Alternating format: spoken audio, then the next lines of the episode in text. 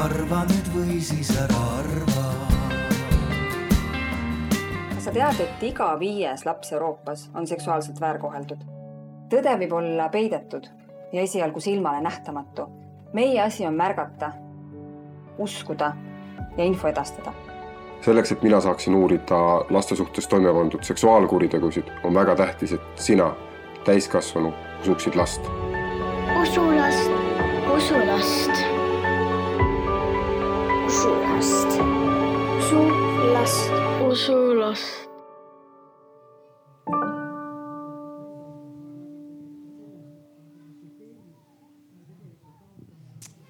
kell on saanud neli ja telgis pealkirjaga Kas maa tuleb täita lastega on algamas äh, Paide Arvamusfestivali äh, selle telgi äh, debattide viimane arutelu. Ja seisab selline pikem vestlus meil ees kõigi teie jaoks, kes te jälgisite seda ülekannet või hakkate jälgima nüüd ülekannet video vahendusel, siis teadmiseks, et hetk tagasi olid siin selle telgi kõrval siis äh, gümnaasiuminoored äh, Tartust, kes dokumentaalmaterjalide põhjal esitasid lugusid, mis Eestis kas vähem või tuntud, aga viimasel ajal äh, aeg-ajalt siiski kõlanud ja mis kirjeldavad siis erinevate noorte, aga juba ka vanemate kunagisi kogemusi noorena, lapsena väärkohtlemise osas. nii et äh, ma võib-olla kõigepealt alustuseks palungi Hugo Treffneri gümnaasiumi noortele veel ühe aplausi nähtud vaeva ja tehtud töö eest. Mm,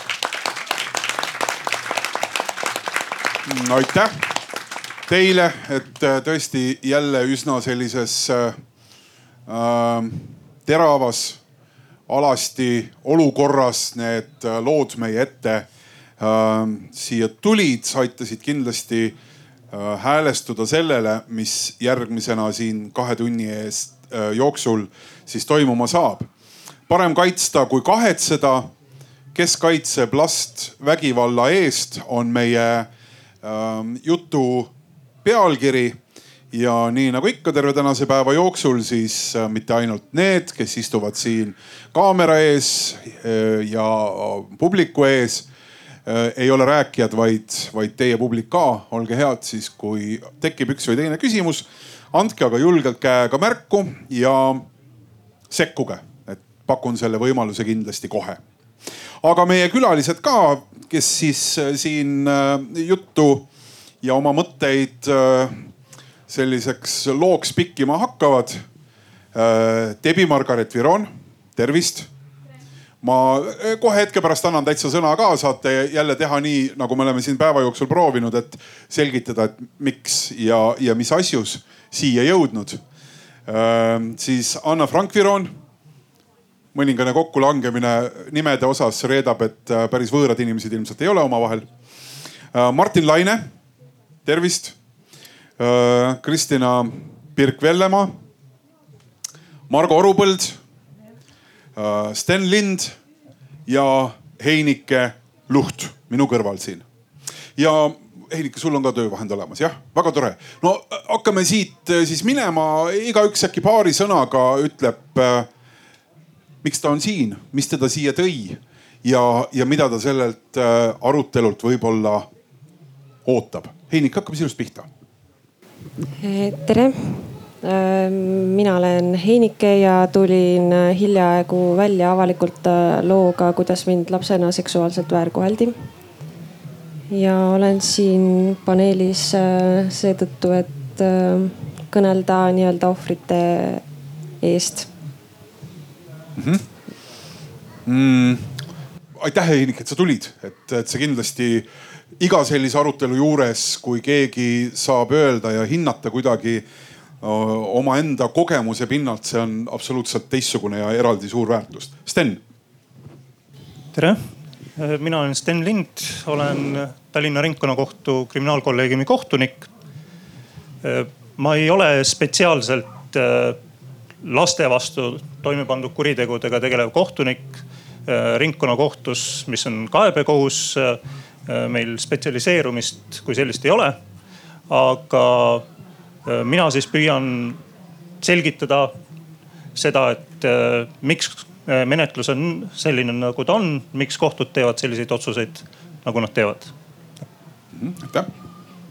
Margo tere, mina olen Margo Rubõld ja esindan siin Pärnu Naiste Tugikeskust, kes igapäevaselt juba kaksteist aastat kohtub just nende samade teemadega, mida noored meile äsja näitasid, et, et lapsed väärkoheldud peredest, kõik need vägivallaliigid, mis kaasa tulevad. ja ma täna olen siin hästi uhke särgiga. meil lõppes just eh, eile emade ja laste laager ja kui me rääkisime sellest, et ma tulen arvamusfestivalile lastega, neid oli seal üle neljateistkümne. ja ma pean kaitsma teie huve, ma pean rääkima sellest müstilisest sõnast lapse heaolu, mida kasutatakse noh, enamasti juba minu meelest nagu aitäh ja palun. Siis, et palun joonistage mulle või andke märku, kuidas teie seda näete, seda protsessi, laps, kes on selles protsessis ja kõik tegelevad tema heaoluga, kõik institutsioonid.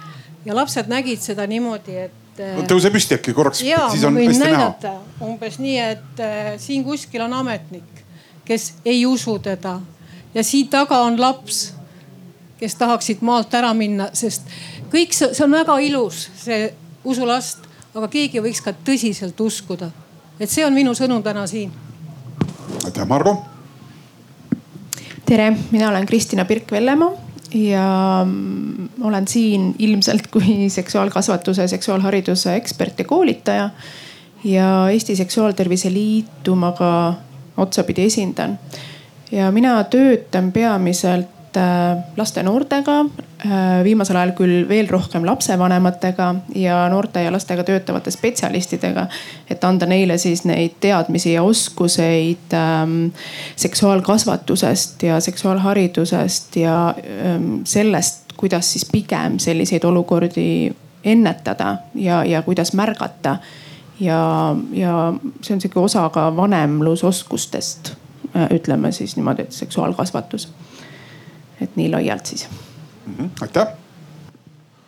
tere, mina olen Martin Laine, Ekspress Meedia uuriva toimetuse ajakirjanik. nii nagu kõik ajakirjanikud, ei ole mina ühegi teema suurim ekspert. aga minu roll siin ühiskonnas on võtta need kõik eksperdid seni ja ka ohver ja anda neile hääl ja sünteesida seda, et aru saada, et, et pakkuda seda kohta, kust hääl tuleb kõik kokku ja ja siin on kindlasti väga palju inimesi puudu, kelle seisukohti ma tean. Äh, siin on kindlasti väga palju lugusid, äh, mida ma tean, mida siin võib-olla ei osata rääkida, ehk siis minu, minu roll on täita kõik lüngad mm. -hmm. aitäh tere, mina olen Anna Frank Viron ja ma olen Sotsiaalkindlustusameti lastemaja juht ja usulast on, on see sõnum, mida ma kannan. ja mina olen just selles võtmes, et mitte et spetsialistid ei peaks uskuma last, vaid eelkõige lapsevanem, kodanik, naaber, õpetaja et äh, igapäevaselt puutun kokku seksuaalselt väärkoheldud laste juhtumitega just. ja kahjuks on väga-väga palju selliseid lugusid, kus äh, laps on öelnud, et ta on öelnud seda oma lähedasele Äh, ja ei ole teda usutud. Või on äh, spetsialistid või vanemad, kes äh, kui on lugu ilmsiks tulnud, ütlevad, et nad, neil oli sihuke tunne juba aasta tagasi, et midagi sellist võib seal olla. Ja et sellepärast on see usulast minu, minu sõnum, et kui, kui on mingisugunegi kahtlus, et siis, et, et pöörduda, et täna ma olen nii ennetuse võtmes siin kui ka võib-olla siis kaasa rääkimas siis nende, nende laste eest tere, ma olen äh, Debbie Margaret. Äh, ma esita-, esindan siis täna siin äh, Noorte Häält ja olen ka Anna Franki kolmas beebi. üritan siis täna rääkida kaasa rääkida siin läbi siis noorte silmade ja kuidas mina võib-olla asju mõistan ja võib-olla miks ma oskan rohkem kaasa rääkida siin kui mõni teine noor. siis see on kindlasti sellepärast, et äh, tänu mu emmele, ta on mind noh alati kaasanud, ma olen alati kuidagi käinud kaasas temaga siin Arvamusfestivalil, ma olen alati teadlik olnud sihukestest teemadest, et minu jaoks ei ole nagu uus. no hirmus ikka alati, aga ei ole uus minu jaoks, nii et ma oskan rääkida, ma arvan kaasa küll. väga tore ja ikka nii, nagu me oleme tänase päeva jooksul teinud, et äh, ei pea ära ootama siin minu küsimust, kui kõlab mõni mõte, millele tahaks äh, kaasa või vastu kajada või, või mida tahaks äh, lihtsalt alla joonida või rõhutada, siis olete kõik kutsutud seda kohe tegema, et mikrofonid on kõigi käes ja vabad. et, ähm, et ähm, kasutagem seda võimalust. võib-olla alustaksin just sellesama fakti pinnalt, mis on sellele tahvlile kirjutatud. Et Eestis on kakssada viiskümmend seitse tuhat nelikümmend neli last. ja noh, loodetavasti on äkki tänase päeva jooksul julgelt neid ka juurde sündinud aga, aga et Euroopa Nõukogu hinnangul on kakskümmend protsenti lastest seksuaalselt väärkoheldud, see on, see on iga viies, see on viiendik mm,. ja see on üks selline faktiline number. aga siin juba natukene kõlas ka ja Margo Särk ka justkui kirjeldas midagi, mis on selline sirge seisukoht. et me prooviks võib-olla alguses kirjeldada natukene või sõnastada, et mis seisus me oleme Äh, laste väärkohtlemisega tegelemisel ja ma, Margo, tõesti palun sinul alustada. et kuidas sina kirjeldad, et mis seis meil praegu selle asjaga on Eestis? Noh, ükskõik kust me tulema hakkame, tegelikult on meil, noh, me oleme ju nullist tulnud juba viisteist aastat sellega Eestis tegeletakse. meil on väga-väga hea seis.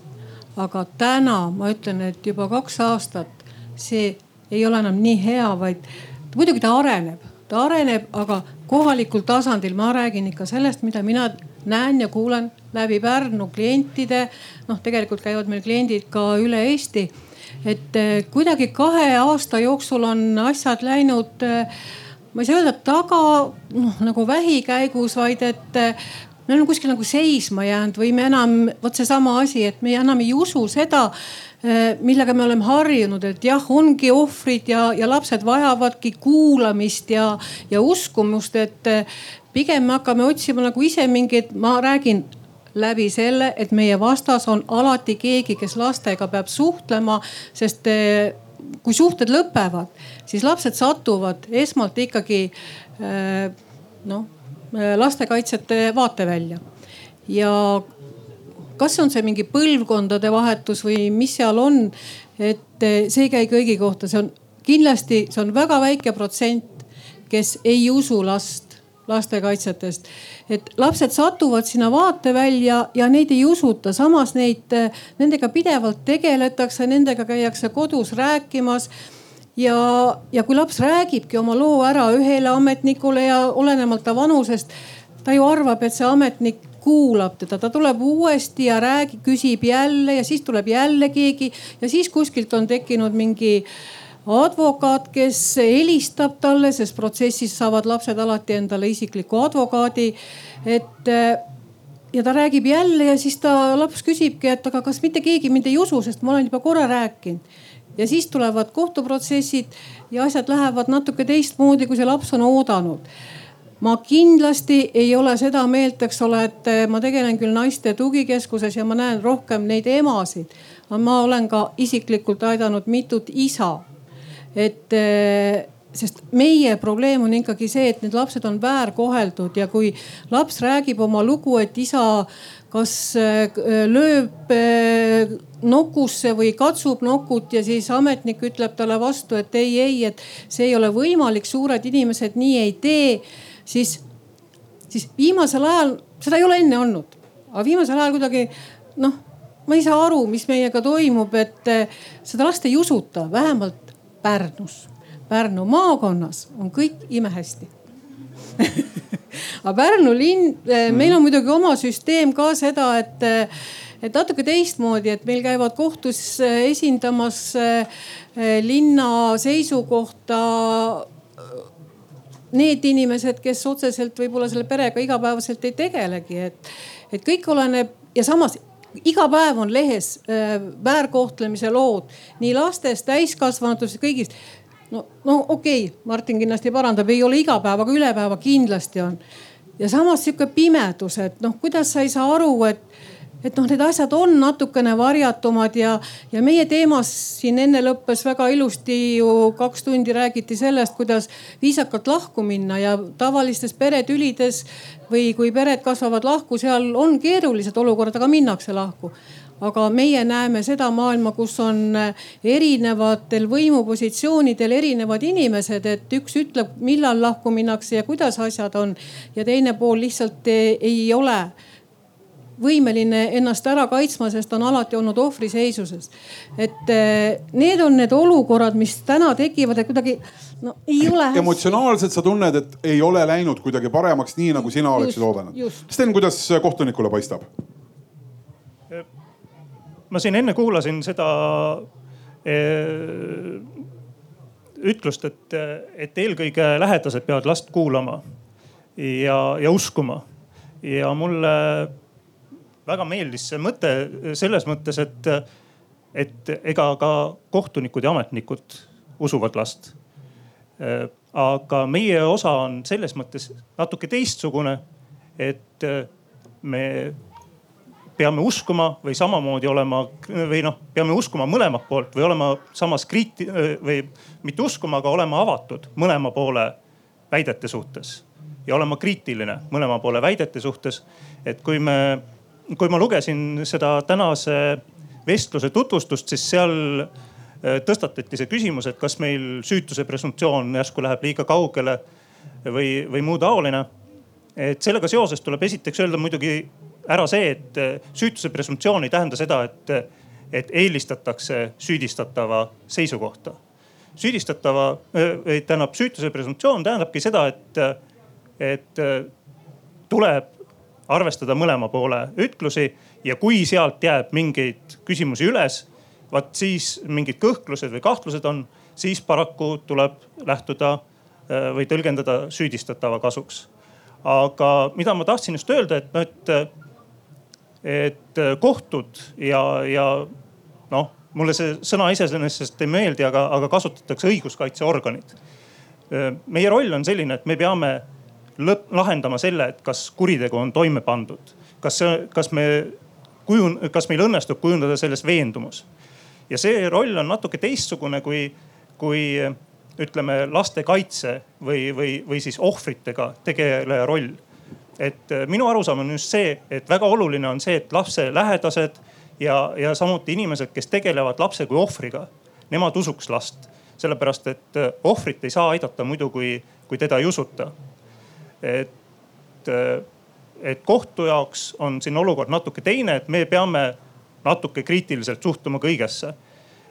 ma tõmbaks paralleele kunagi üks kohtu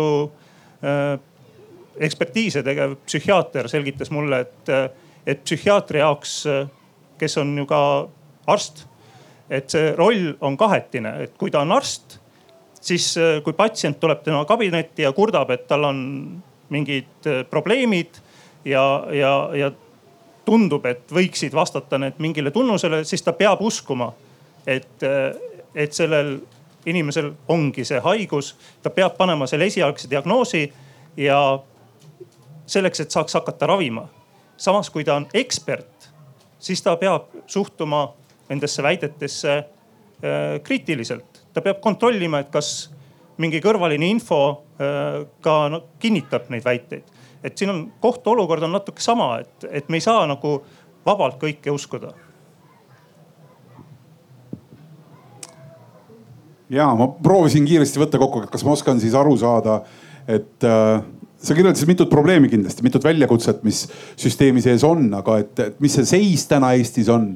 et kas me oleme, sinu emotsionaalne hinnang võib-olla siis selle kohta, et, et kuidas sa seda kokku võtaksid laste, nende laste õiguste, nende laste kaitsel, mis seisus me oleme?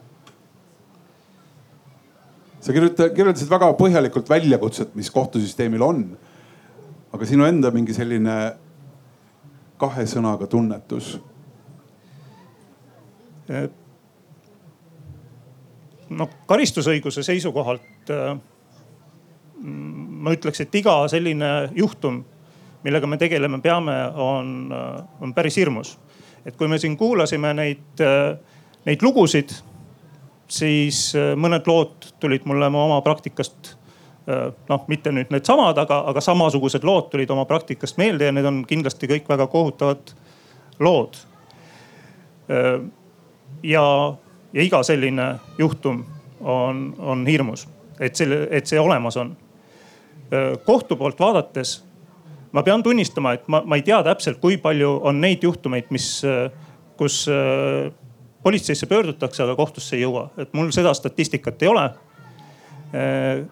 Need asjad, mis kohtusse jõuavad, need tavaliselt ka minu kogemuse järgi suuremas osas süüdimõistmisega lõpevad, et me teame kõik seda üldstatistikat, et väidetavalt Eesti kohtutes üldse kriminaalasjadest üheksakümmend üheksa protsenti lõpeb süüdimõistva otsusega. et noh, et ma julgen oletada, et ka ka nende tegude puhul on sama. et siin äh, just äh, tsiteeriti ka ühte pealkirja, kus äh, öeldi seda, et, et tehti erakordne otsus, et sõna sõna vastu olukorras tehti süüdimõistev otsus. mina oma kogemusest ütleks, et see ei ole nii hirmus erakordne, sest olgem ausad, kõik sellised mm, no ütleme siis vägistamisasjad ja, ja peresisesed vägistamisasjad, need on peaaegu kõik suuresti äh, äh, sõna sõna vastu asjad. et seal ei ole kuskilt mujalt mingeid muid tõendeid äh, võtta. ja selles mõttes mulle tundub, et nii palju kui võimalik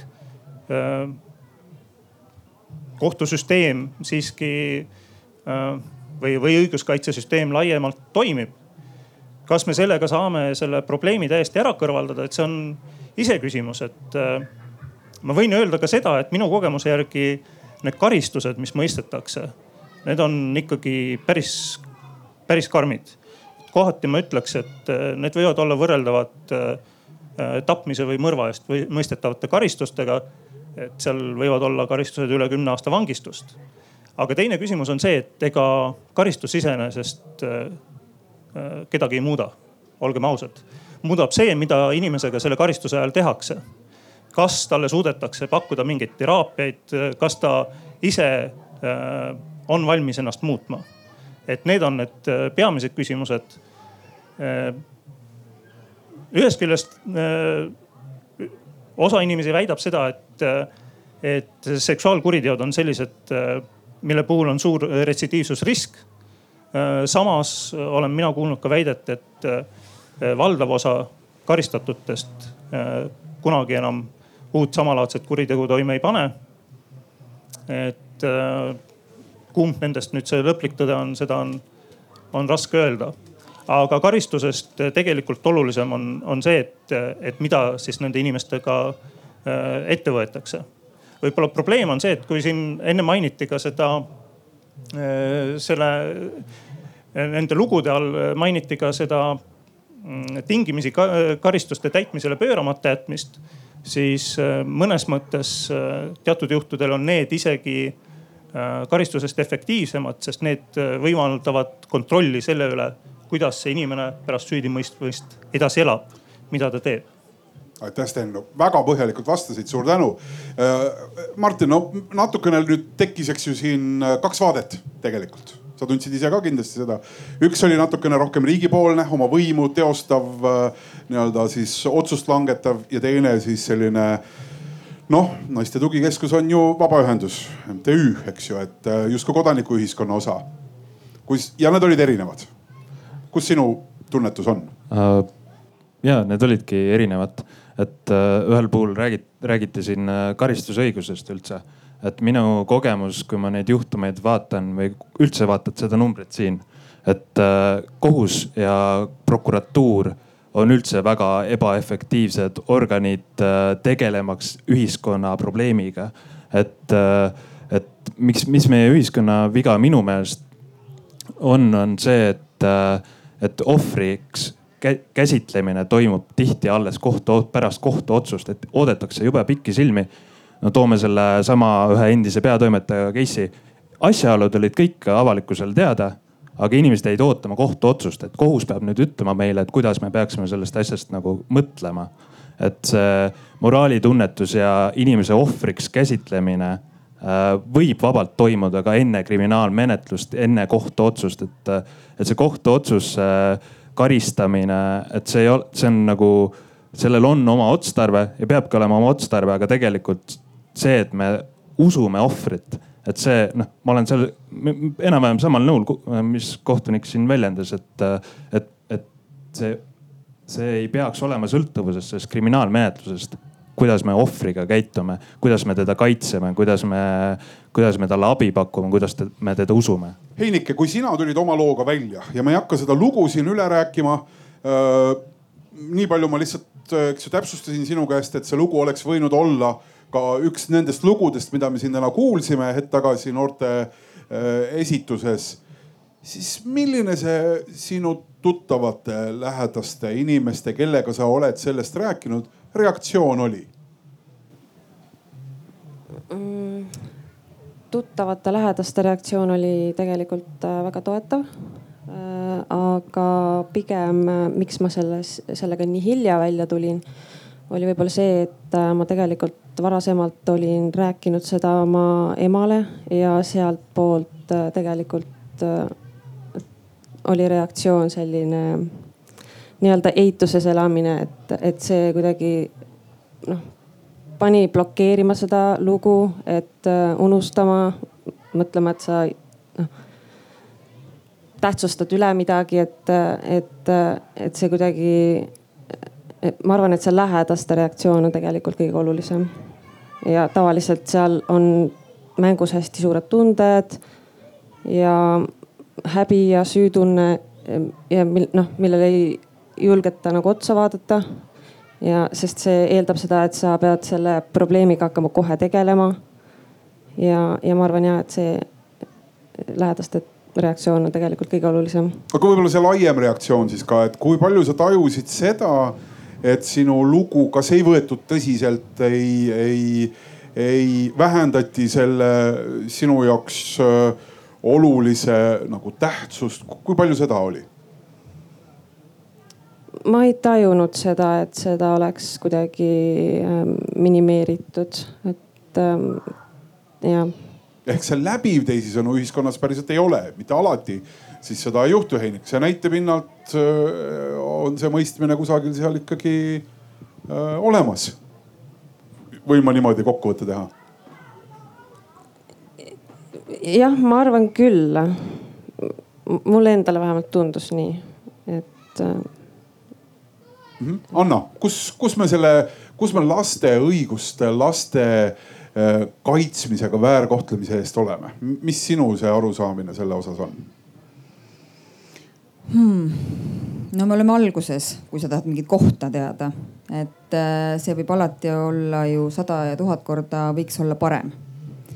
et äh, kui me räägime ennetavas mõttes kaitsmisest, siis me oleme ka päris alguses, et äh, Kristina ongi siin, eks ju, et rääkida sellest haridusest ja sellest, kuidas hea seksuaalalane haridus vanematele või lastele võib mingeid olukordi ennetada või vähemalt äh, anda julguse või oskuse pöörduda kuskile, öelda, anda vanemale teadmise, et sellised asjad üldse toimuvad. miks ma selle numbri panin siia, sest et noh ikkagi millegipärast, et Euroopa Nõukogu on öelnud kakskümmend protsenti ja üks selline Eesti inimene vaatab seda ja ütlebki, et aga noh, need on Euroopa lapsed on ju, mitte Eestis, Eestis seda ju ei ole. et eh, irooniliselt äh, ise, ise ka oleme noh selle pilguga nagu vaadanud, et kuidas keegi näeb sellist infot, et mingi hetk me sobime Euroopasse mingite numbrite ja normide järgi. aga kui me seda numbrit vaatame, ehk siis protsendi arvutamine, mida me Debiga just enne tegime, siis üle viiekümne tuhande Eesti lastest võiks olla need, kes on siis seksuaalselt väärkoheldud. aga reaalselt needsamad numbrid, mida ütlesid nüüd noored meil siin ähm, menetlusse jõuavad null koma null neli protsenti Eesti lastest. ehk siis äh, kus need lapsed on? Et kui praegu Einike ütles, et tema ema ei uskunud teda. Äh, see ongi see, miks ma, miks ma sellest usulast räägin, et emad, isad, äh, sõbrad, tuttavad, et noh pöörduge, mõelge, uskuge, et äh, kõige nagu hullem asi, mis, mis saab olla või kõige parem asi, mis saab olla tegelikult on see, et seal ei ole midagi. aga inimesed kardavad sekkuda eraellu, kardavad naabri, naabri kohta rääkida, oma lähedase kohta mõelda. Ja mis siis, kui äkki ei ole? Ja mõtle, kui piinlik, mina teatasin, et, et sellistest hirmudest ja sellistest asjadest üle olla. Et selles osas ma mõtlen, me oleme ikkagi päris alguses selle laste äh, kaitsmise ja heaolu eest seismisega, et, äh, et kuidas me emadena, äh, vanaemadena, meestena, naistena, see tuli ka meil siit noorte sellest etüüdidest välja, et isad, kasuisad, vanaisad on need, kes seda teevad, ehk siis ma vaatan täna, mul vist ei olegi nii palju mehi istunud kuulajaskonnas, et tavaliselt ma räägin õpetajatele, kasvatajatele ja emadele. aga kahjuks on numbrid, eks ju, meeste poole kaldu ja need ei ole mingid võõrad mehed kuskil nahksonide ja nahkvestidega põõsastes, et need on meie enda mehed ja, ja isad ja vanaisad kahjuks et see, see julgus äh, nagu mõelda mingitel hetkedel, kui sul see kahtlus tuleb, et see võib nii olla, et seda julgust on tõsta. inimene normaal, inimese normaalse, normaalne mõistus ei lase seda uskuda nagu Venno Loosaare juhtum on ju, ta on ju meil Otto, Triin ja Jäppe. me ei saa ju mõelda, et selline inimene saab sihukest asja teha, ma ei saa mõelda, et minu mees või, või minu isa et, äh, et see, et kuidagi sellest piirist natukene üle tulla, et me nagu julgeksime mõelda ja, ja pöörduda ja ja, ja lasta uurida, et uskuda last ja, ja lasta uurida, et on meie poole pöördunud ka isasid, kelle osas me ütleme, kaht-, kahtlus on isa osas, me võtame loo tegemisse ja tuleb välja, et seal ei ole tegelikult see isa kinnitus, see kahtlus. ja siis tuleb isa, kes ütleb, kuidas te üldse julgesite minu kohta mõelda. ja kui me niisuguses heas vormis suudame selgeks teha, et aga kui sinu lapse suhtes on sihuke kahtlus, et keegi teda väärkohtleb, et täna oled sina see kahtlusalune, õnneks see kahtlus ei saanud kinnitust. sa ju tahad, et me uuriksime su lapse kohta, kui su lapsel on, ma ei tea, katkine tussu või, või mis need, mis need märgid on, mis meid panevad kahtlema. sa ju tahad, et me uuriks, mitte ei mätsiks kinni.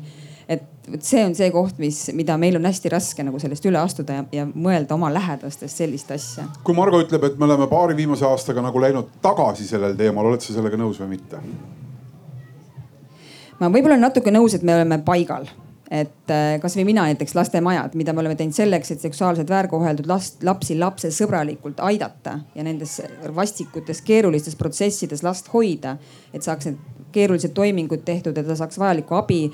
siis noh, et ütleme, kui see alguses läks käima viis aastat tagasi, kui me alustasime neid lastemajad, siis täna on kuidagi selline noh, et lastemajad on juba nagu normaalsus. me tahaks rohkem teha, rohkemate lasteni jõuda, siis täna on natukene keerulisem laiendada seda, seda lastemajade võrku. et ütleme, et kuhu me, kuhu riik oma ressursid paneb, kas meil on täna vaja või ei ole, et kui kolm juba on, et juba on, et mingisugune norm on nagu täidetud. aga me tahaks nagu veel, sest tegelikult neid lapsi, kus need viiskümmend tuhat last on, et ma tahaks nendeni jõuda. ma tahtsin seda ka öelda, et viimasel ajal on tajuda sellist ühiskonna küpsuse puudumist sellel teemal äh, teatud äh, seltskondades. kirjelda natukene. et äh, kui seksuaalkoolitaja käib lasteaiades laulmas Nokku laulu, ta saab tapmisähvardusi pärast seda sotsiaalmeedias. et inimene, kelle tegevuseks ongi ennetamine, kelle e kogu eesmärk on see, et lapsi ei väärkoheldaks süüdistatakse selle, täpselt selles, mida ta üritab ära hoida ja ta saab veel tapmisähvardusi selle eest. kui naistearstid teevad äh, ettepanekuid mingite seaduseelnõude jaoks näiteks, et kas alaealised võiksid minna äh, arsti juurde ilma, ilma vanema loata, võib-olla see vanem on just see mil, põhjus, miks nad lähevadki äh, arsti juurde, et inimestel on kinnistunud justkui see arusaam, et ane, lapsevanem teab alati kõige paremini, ei tea alati kõige paremini. mõnikord ongi lapsevanem just see kõige peamine põhjus, mis või probleem, mis tuleb lahendada ehk siis äh, see küpsus, sellised kinnist, kinnistunud väärarusaamad ja mul on tunne, et see, sellised asjad on väljendunud viimastel aastatel päris, päris palju. Kristina ja ma siia küpsuse juurde tahaks lisada seda, et minu meelest Eestis on üks selline kummaline arusaam, et laps on vanema oma laps ei ole vanem, minu, minu neli last ei ole minu omad, nad on inimesed, kes on meie peres kasvamas, jah, väiksed inimesed, aga nad ei kuulu meile. et siin on ka hästi palju sellest, sellist selgitamist äh, äh, või siis selle teema avamist ka lapsevanematele, et sa oled lapse elu saatja, sa oled ja, ja kui läheb hästi, siis on tal väga hea meel sinuga väga pikalt koos seda teed käia, eks. aga et ta ei, ta ei kuulu sulle, lapsel on õigused ja, ja seksuaalkasvatus, seksuaalharidus on üks nendest õigustest, ähm, mida me küll näeme rõõmuga noh, niivõrd-kuivõrd rõõmuga, sest tegelikult selle taga on ju väga õõvastavad lood, mis meedias on äh, esile tulnud. on lapsevanemate ja ka spetsialistide, kes laste ja noortega töötavad, nende huvi seksuaalhariduse ja seksuaalkasvatuse vastu. et eelmisel õppeaastal siis septembrist kuni mai lõpuni äkki koolitasin kusagil seitsesada lapsevanemat. et see on, see on kaugelt rohkem, kui on olnud varasemalt ja väga palju on päringuid ja, ja vajadust ja huvi äh, seksuaalkasvatuse järele, aga minu meelest ei ole meil päris selgelt lahti selgitatud, mis minu meelest tegelikult ei olegi et mis see seksuaalkasvatus selline on, miks lähevad inimesed pingesse äh, selle peale, kui räägitakse, et lasteaeda tuleb inimene, kes nüüd räägib seksuaalsuse teemadel, siis äh, vastuseis tuleb tihtipeale sealt, et mina küll ei taha, et minu lapsele seksist räägitakse lasteaias. Mina ka ei taha, et minu lapsele seksist lasteaias räägitakse, aga see ei olegi lasteaiaealiste laste seksuaalkasvatuse eesmärk et eesmärk on ikkagi ennekõike see, et minu keha, minu tunded, see on tundekasvatus, see on väärtuse kasvatus. See, et minu keha on minu oma ja teiste kehad on teiste omad, see, et iga kehaosa jaoks on õiged nimetused, et on peenis, on vulva. me ei nimeta koodnimetusega erinevaid kehaosasid, sest kätest me räägime ka kui kätest ja pea on ka pea. et ja kõik sellised asjad käivad siia juurde ja siia on, siia on väga palju vaja ka riigipoolset tuge tegelikult taha sest on juhtunud niimoodi, et jah, kui kunagi oli ressursse vähe, siis noorte seksuaalharidusele pandi päris palju rõhku. ja, ja me võime öelda, et Eesti on selles osas heas seisus meid tuuakse ähm, esile ka maailmas ja, ja nii-öelda sellise eduloona noorte nõustamiskeskused ja seksuaalharidus. see, et Eesti õppekavades on olemas seksuaalharidus, see on edulugu. Ähm, jah, see on, ähm, ütleme niimoodi, et väga kõikuva kvaliteediga äh, kooliti et on väga super ja, ja on, on selliseid koole, kus on päris palju muresid selle seksuaalharidusega ja, ja inimese õpetuse raames siis seksuaalkasvatusega. aga et me oleme päris äh, tublisti liikunud aga me peame, mis me peame, ma pöördun siin ka nagu riigi poole ja otsustajate poole ja rahastajate poole, et ka lastevanemate haridus ja spetsialistide haridus vajab väga palju toetust. et kunagi oli ressursse vähe, praegu meil tegelikult ressursside taha ei tohiks see asi jääda, et lapsevanemaid toetada äh, kui me mõtleme selle aastal olnud lugude peale ja siin just seesama ka selles äh, läbimängus kõlanud treeneri lugu oli kevadel üks väga hea tester mis näitas, no ma ei tea, võib-olla Martin ja Martini kolleegid äh, ise kuidagi noh, nii-öelda hoidsid seda teemat üleval, aga see ei saanud hinnanguid nii kiiresti, kui see noh, ükskõik millist äh, ütleme lääne ühiskonna keskkonda vaadates, siis, siis nagu on järjekord mõistmaks hukka, äh, mõistmaks, andmaks hinnangut. meil võttis see aega päevi tegelikult nädalaid, et, et see lugu äh, siis, äh, mis seotud sellesama treeneriga ja, ja, ja väärkohtlemisega, et see nagu kuhugi jõuaks. ja see mulle nagu ütleb kuidagi, et me päriselt ühiskonnana ei ole selle hinnangu andmiseks valmis, meil ei ole see kompass nagu õiges kohas. miks? kas sellel on mingi selge põhjus, et, et noh, et kui ma vaatan, et Kristina haarab mikrofoni järgi, siis, siis võiks ju olla vastus, et äkki ongi koolituse puudus. ma arvan, et see ei ole see.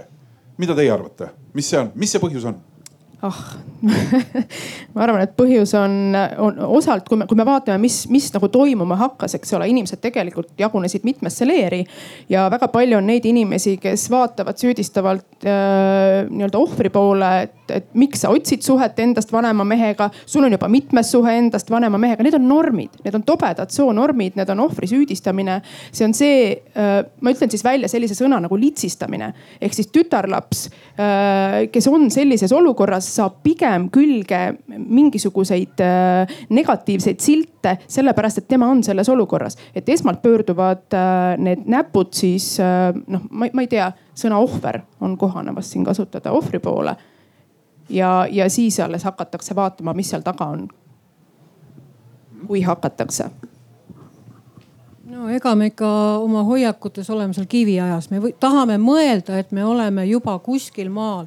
Aga kui sa hakkad üks noh, ükskõik kellega rääkima, siis noh, võtame tavainimesel või kodanikena, siis ikka tuleb seesama asi välja, et noh, aga kas ikka, me võta noh, meil on mugav olla seal, kus me oleme ja uusi oskusi omandada või arugi saada, et koolitustel käivad ikka ühed samad inimesed sa võid sinna, me oleme teinud ka Pärnu linnavalitsusse koolituse, koolituse, sinna tulevad need, kes tulevad, aga ega siis linnavalitsuse oma inimesed ei tule, eks ole.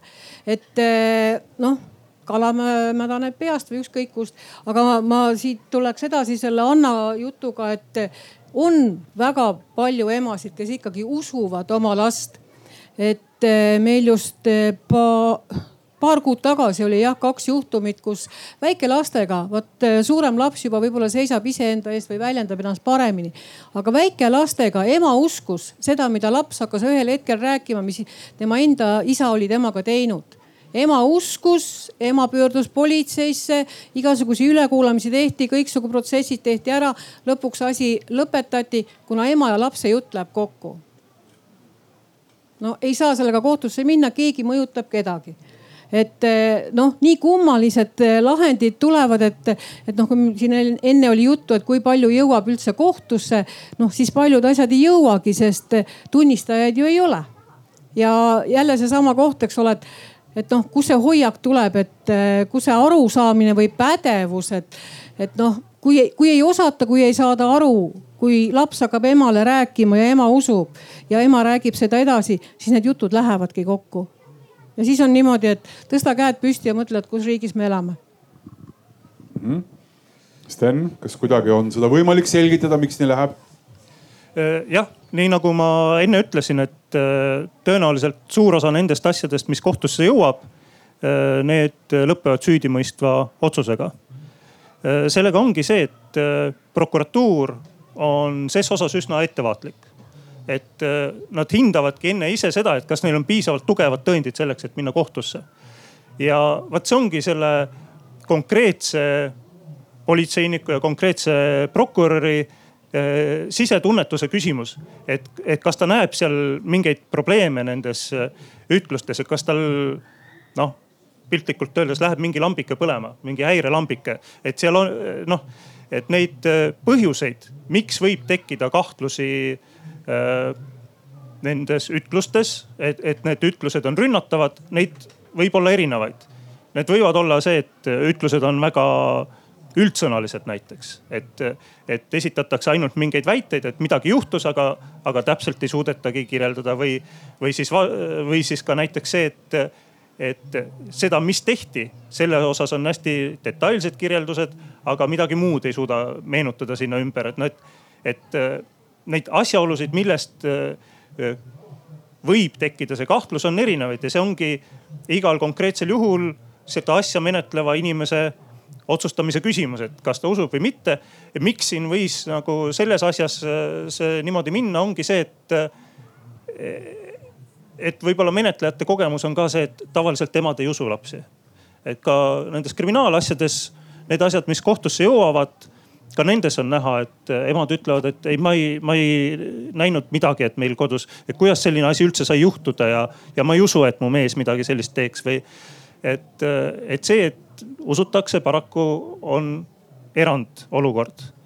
ja, ja mis veel võib mõjutada, on see, et äh, on ette tulnud ka olukordi, kus on tõesti tulnud välja, et lapsi ongi treenitud mingeid ütlusi andma kodus.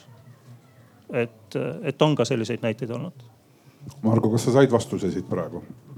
ei saanud sest laste ülekuulamise kohta on äh, justiitsministeerium välja andnud väga ilusa raamatu, kus on kõik kirjas ja tegelikult vot see on minu jaoks on ikkagi see puhas pädevuse küsimus. see on lihtsalt see, et see ja. kompass ikkagi ei ole ja, nagu selles õiges ja, kohas. sa tunned seda? just äh, tehtud on ju politsei hulgas ka, politseiuurijate hulgas äh, küsitlusi, hoiakute uuringuid ja ma ei tea küll, kuidas need pedofiiliakuritegude puhul väljenduvad, aga näiteks naistevastase vägivalla puhul Äh, on näha neid, et need hoiakud, mis on laias ühiskonnas, kajastuvad ka politseis kajastuvad ka teatud ametnike hulgas, et, et me ei saa ette kujutada, et need hoiakud, mida me näeme enda ümber, et need ei kajastu näiteks kuskil, äh, kuskil uurimisorganites. et, et ka see, ma ei ütle, et see on nüüd peamine probleem, aga see on kindlasti mängib rolli siin ka.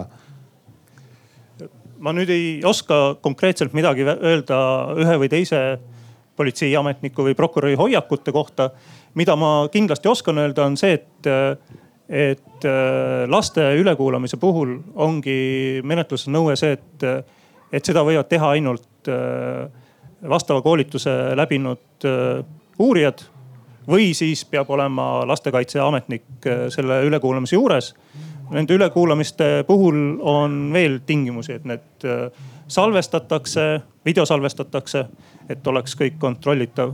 ja, ja jah, et kui minu eelmisest vastusest nagu sellist äh, otsest vastust ei saanudki, siis äh,, siis äh, noh, moment ongi see, et, et lõppkokkuvõttes meil võib olla igasuguseid reegleid, aga, aga lõppkokkuvõttes äh, taandub äh, see, et kas minna asjaga kohtusse või mitte, konkreetse inimese hinnangule, tema elutunnetusele, et sellest ei saa kuidagi mööda. ehk see konkreetne prokurör ikkagi teeb selle otsuse.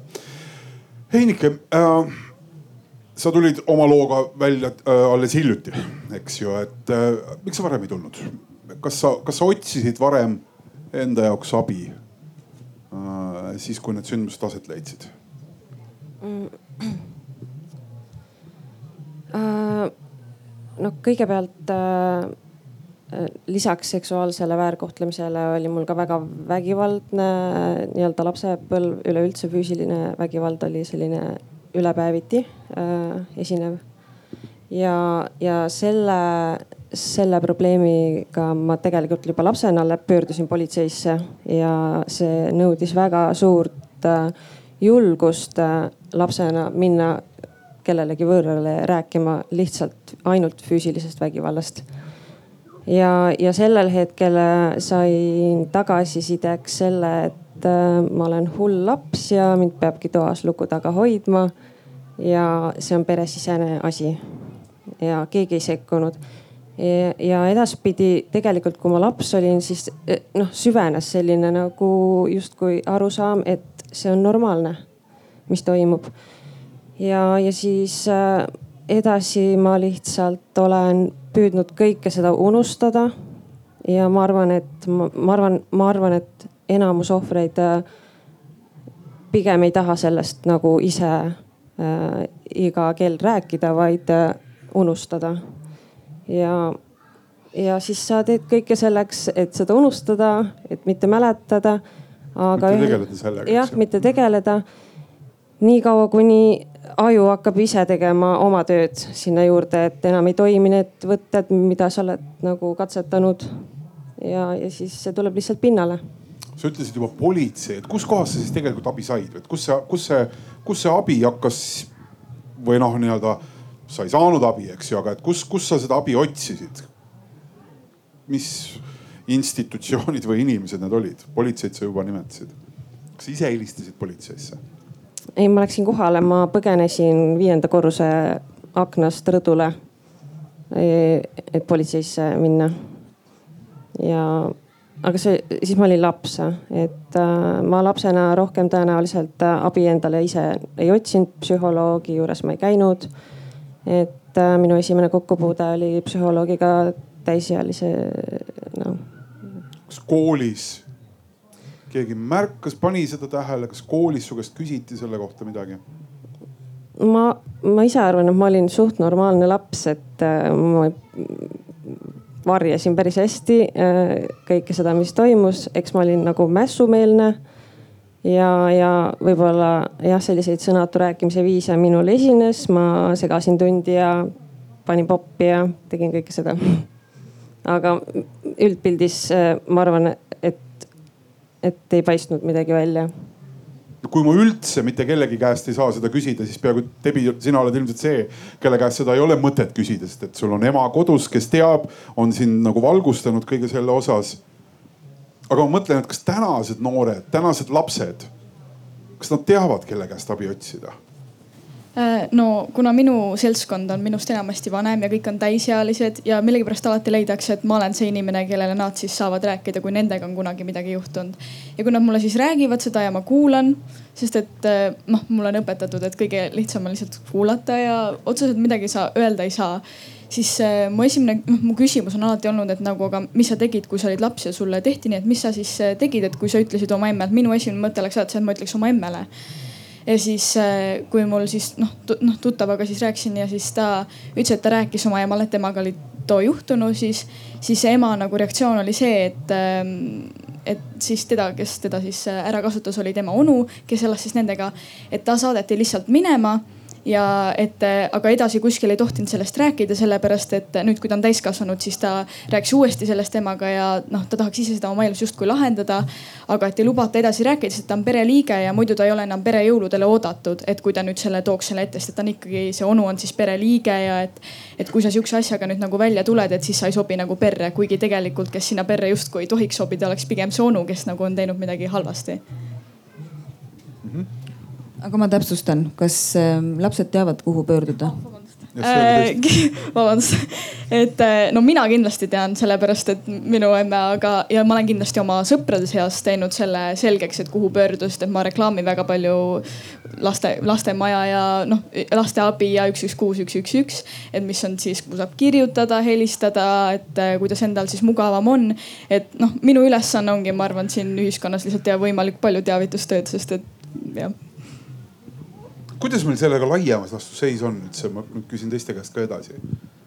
et, äh, et see ei ole ju nii, et seesama kakskümmend protsenti, need lood, mis juhtuvad, ahaa, nüüd otsin üles selle sotsiaalkindlustusameti kodulehekülje ja hakkan sealt vaatama, kuhu helistada, et äh, lasteabi lehekülg, ärge Sotsiaalkindlustusameti lehekülge sellepärast. no sealt hakkan on, vaatama lasteabi edasi. lasteabi on hästi li lihtsam jah, aga no siin ongi takistused, et kus see viiskümmend, äh, üle viiekümne tuhande lapse on, et äh, nad ei ole nagu teadmatuses. ma arvan, et viiskümmend tuhat last ka teavad lasteabi numbrit.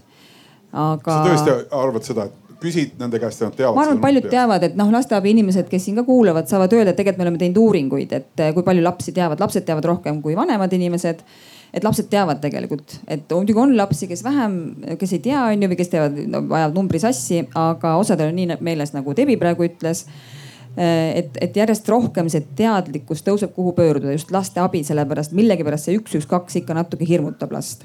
et see anonüümne võimalus äh, pöörduda, justkui rääkida kellestki sõbrast, et see, see teadlikkus on küll kindlasti tõusnud aga te, laias laastus on nagu kaks põhjust, miks lapsed ei pöördu, et kui me ütleme, arvame, et see viiskümmend tuhat Eesti last on väärkoheldud ja nad teavad seda lasteabi numbrit, ütleme kasvõi pooled nendest ehk kakskümmend viis tuhat last teavad siis äh, nendest kahekümne viiest pooled kardavad pöörduda, sest et äh, ähvardused, äh, manipuleerimised, mida need väärkohtlejad on siis lapsele öelnud, siin, siin tulid ka ju etüüdidest välja, et ähvardatakse, manipuleeritakse.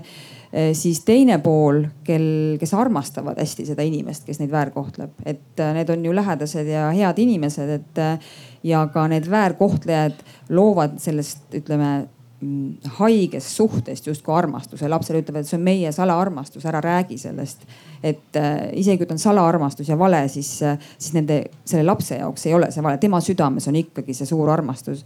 see, see on nagu teine ja kolmas on see, kes ei nagu ei tea, kuhu pöörduda või ei tea, mis saama hakkab, et kui ma pöördun, mis siis saab kas läheb keegi vangi, kui ma kuulen, et läheb vangi, no siis ma ei taha, eks ju, et ta läheks vangi onju. et eh, reaalselt nüüd viimasel ajal ma olen nagu märganud seda noh reaalselt juhtumites, kus lapsed nagu väga-väga muretsevad, et mis mu noh isast saab siis, on need siis poisid või tüdrukud, sest väärkoheldakse ju ka poisse väga palju. et põhimure on, et kui ma räägin, mis siis mu issist saab, mis siis saab et ja, ja vot siin on ka äkki saab kommenteerida võib-olla selline selline riigi eh, prokuratuuri ja kohtu suund, et eh, täna me peame, kui me hakkame lapsega vestlema, olgu see siis lastekaitsetöötaja või siis väljaõppe saanud uurija et sa ei pea oma lähedase vastu tunnistust andma.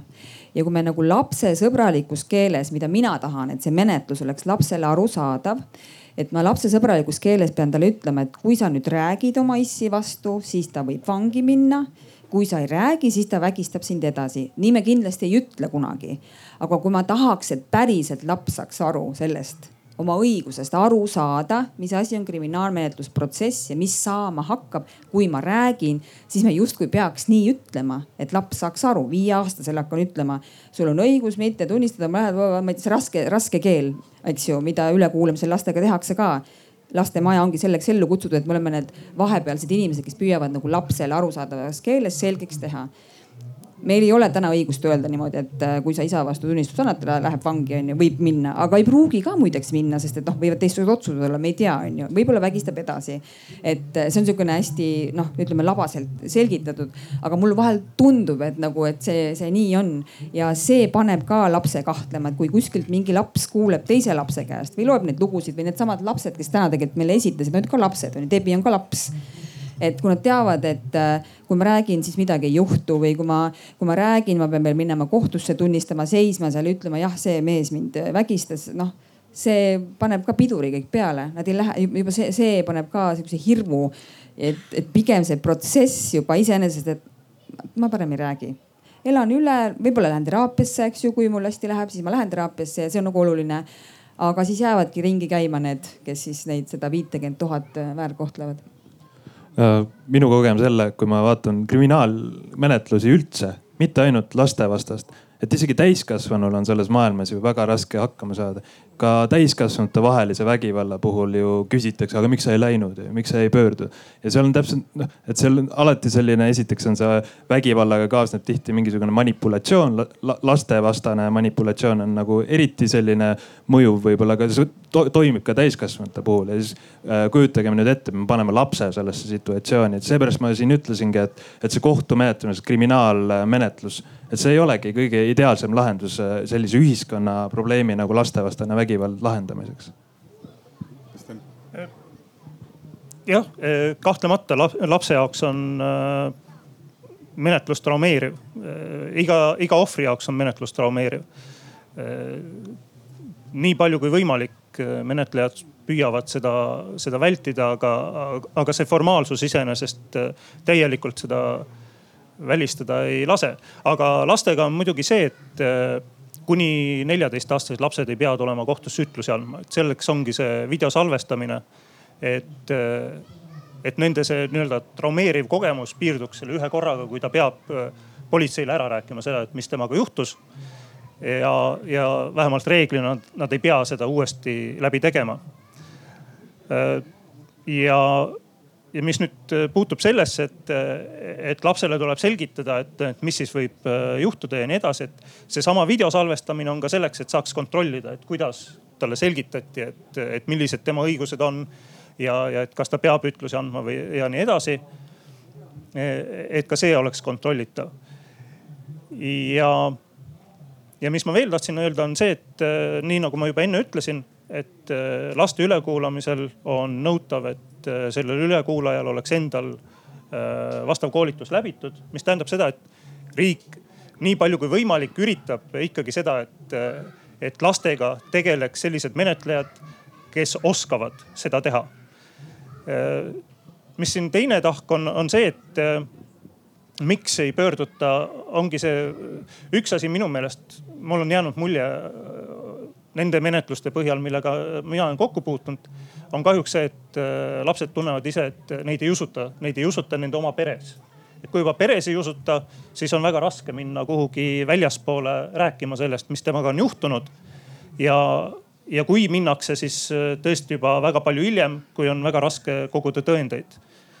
Äh, ja üks asi ongi see, et justiitsministeeriumi statistika järgi, mis siin vist ka enne käis läbi, seitsekümmend seitse protsenti äh, laste vastu toime pandud äh, seksuaalkuritegudest on toime pandud äh, siis nii-öelda lähikonna, lähi, jah lähikonna inimeste poolt, et mitte siis ainult pereliikmed, vaid ka näiteks naabrid või, või muu selline, muud inimesed, kellega käiakse tihedamalt läbi.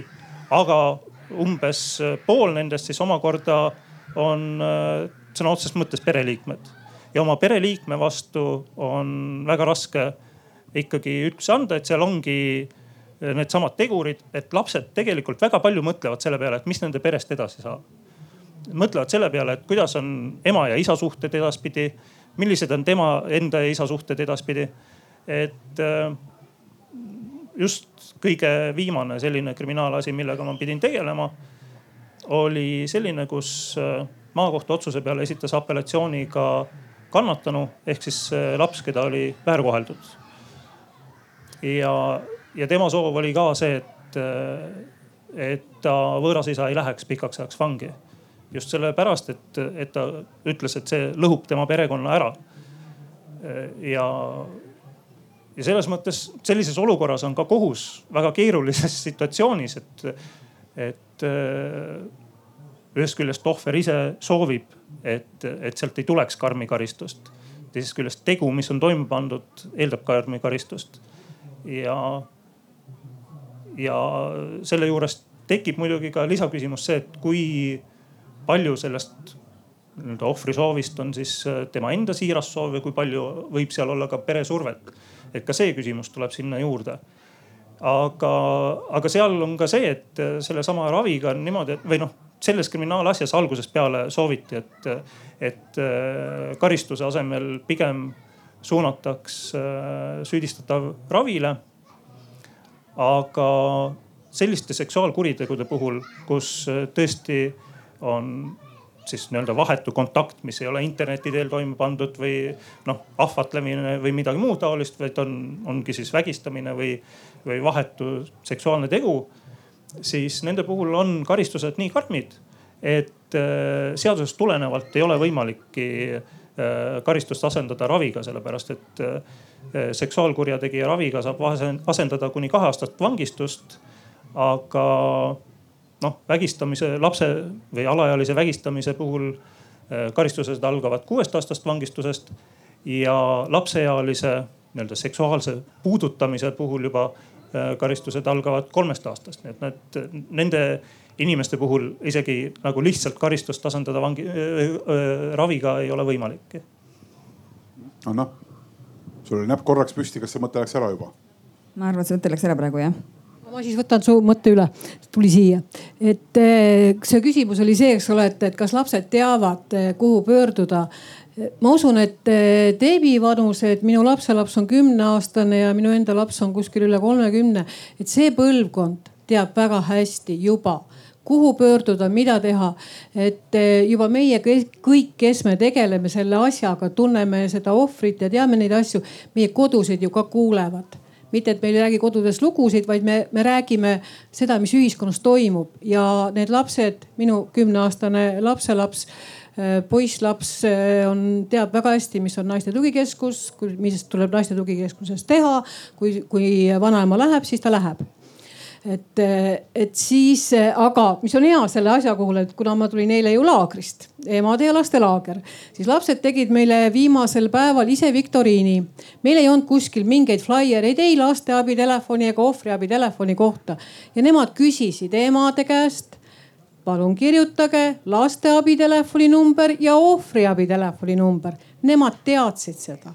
nii et asi on parem, kui ta paistab, ainult me peame ära ootama, kui nad suureks saavad. kuidas emad teadsid? Eh, nad jäid. viktoriin tehti? Eh, eh, me kamba peale vastasime ära, mina hoidsin eemale. mul ohvriabi number on ikka peas. okei okay., ehk ma julgen siit teha nagu selle järelduse, et ühest küljest see ohvriabi number on ja osatakse ka sinna ilmselt helistada. ja, ja, ja kui me ütleme üldist pilti vaatame, et siis paranemise punkt on parem seksuaalharidus. parem arusaamine sellest tõenäoliselt on, on see teekond sinna. aga mis aitaks nagu süsteemis, et me oleme nüüd siin mitmeid asju kuulnud Sten on juriidiliselt, ma usun, erakordselt korrektselt Äh, laveerinud kõikide nende punktide vahel, et mitte süüdistada otseselt süsteemi, aga siiski samas möönnud. ja, ja, ja siis Margo on öelnud ja, ja Anna on öelnud, et me oleme nagu seisame ja et see süsteem ei lase piisavalt hästi läbi neid samu lugusid, neid samu probleeme. mida me peaksime tegema, kas see, kas see on lihtsalt kusagil mingite seaduste ümberkirjutamine, kas mingeid menetluse muudatusi oleks vaja, et kaitsta paremini last selle teo, mis on toime pandud jätkumise eest, kui ta läheb abi otsima. et ta ei peaks nagu viienda korruse rõdu kaudu põgenema ja politsei juures käima ja siis tulema tagasi ja mitte abi saama, eks ju. et see oli dramaatiline näide, võib-olla täna, kui selline asi juhtuks, teaks, kuhu helistada, eks Heinike ka. aga et, et kuidas nagu seal seda läbilaskvust suurendada, et me tõesti saaks aidata seda last? me pole täna ühtegi polli selles äh, vestluses siin teinud, et äh, rahva käest küsiks sellist asja. ma nüüd ei tea, kuidas nüüd õigesti küsida, ma oleks võib-olla võinud enne välja mõelda, aga meil on lastekaitseseadus Eestis, mida paljudes riikides ei ole, see on ka jälle üks Eesti võit. ja lastekaitseseaduses on üks sihuke punkt kõik inimesed, kellel on infot, et on, on olemas kuskil abi vajav laps, peavad sellest teavitama, see on seadusejärgne kohustus.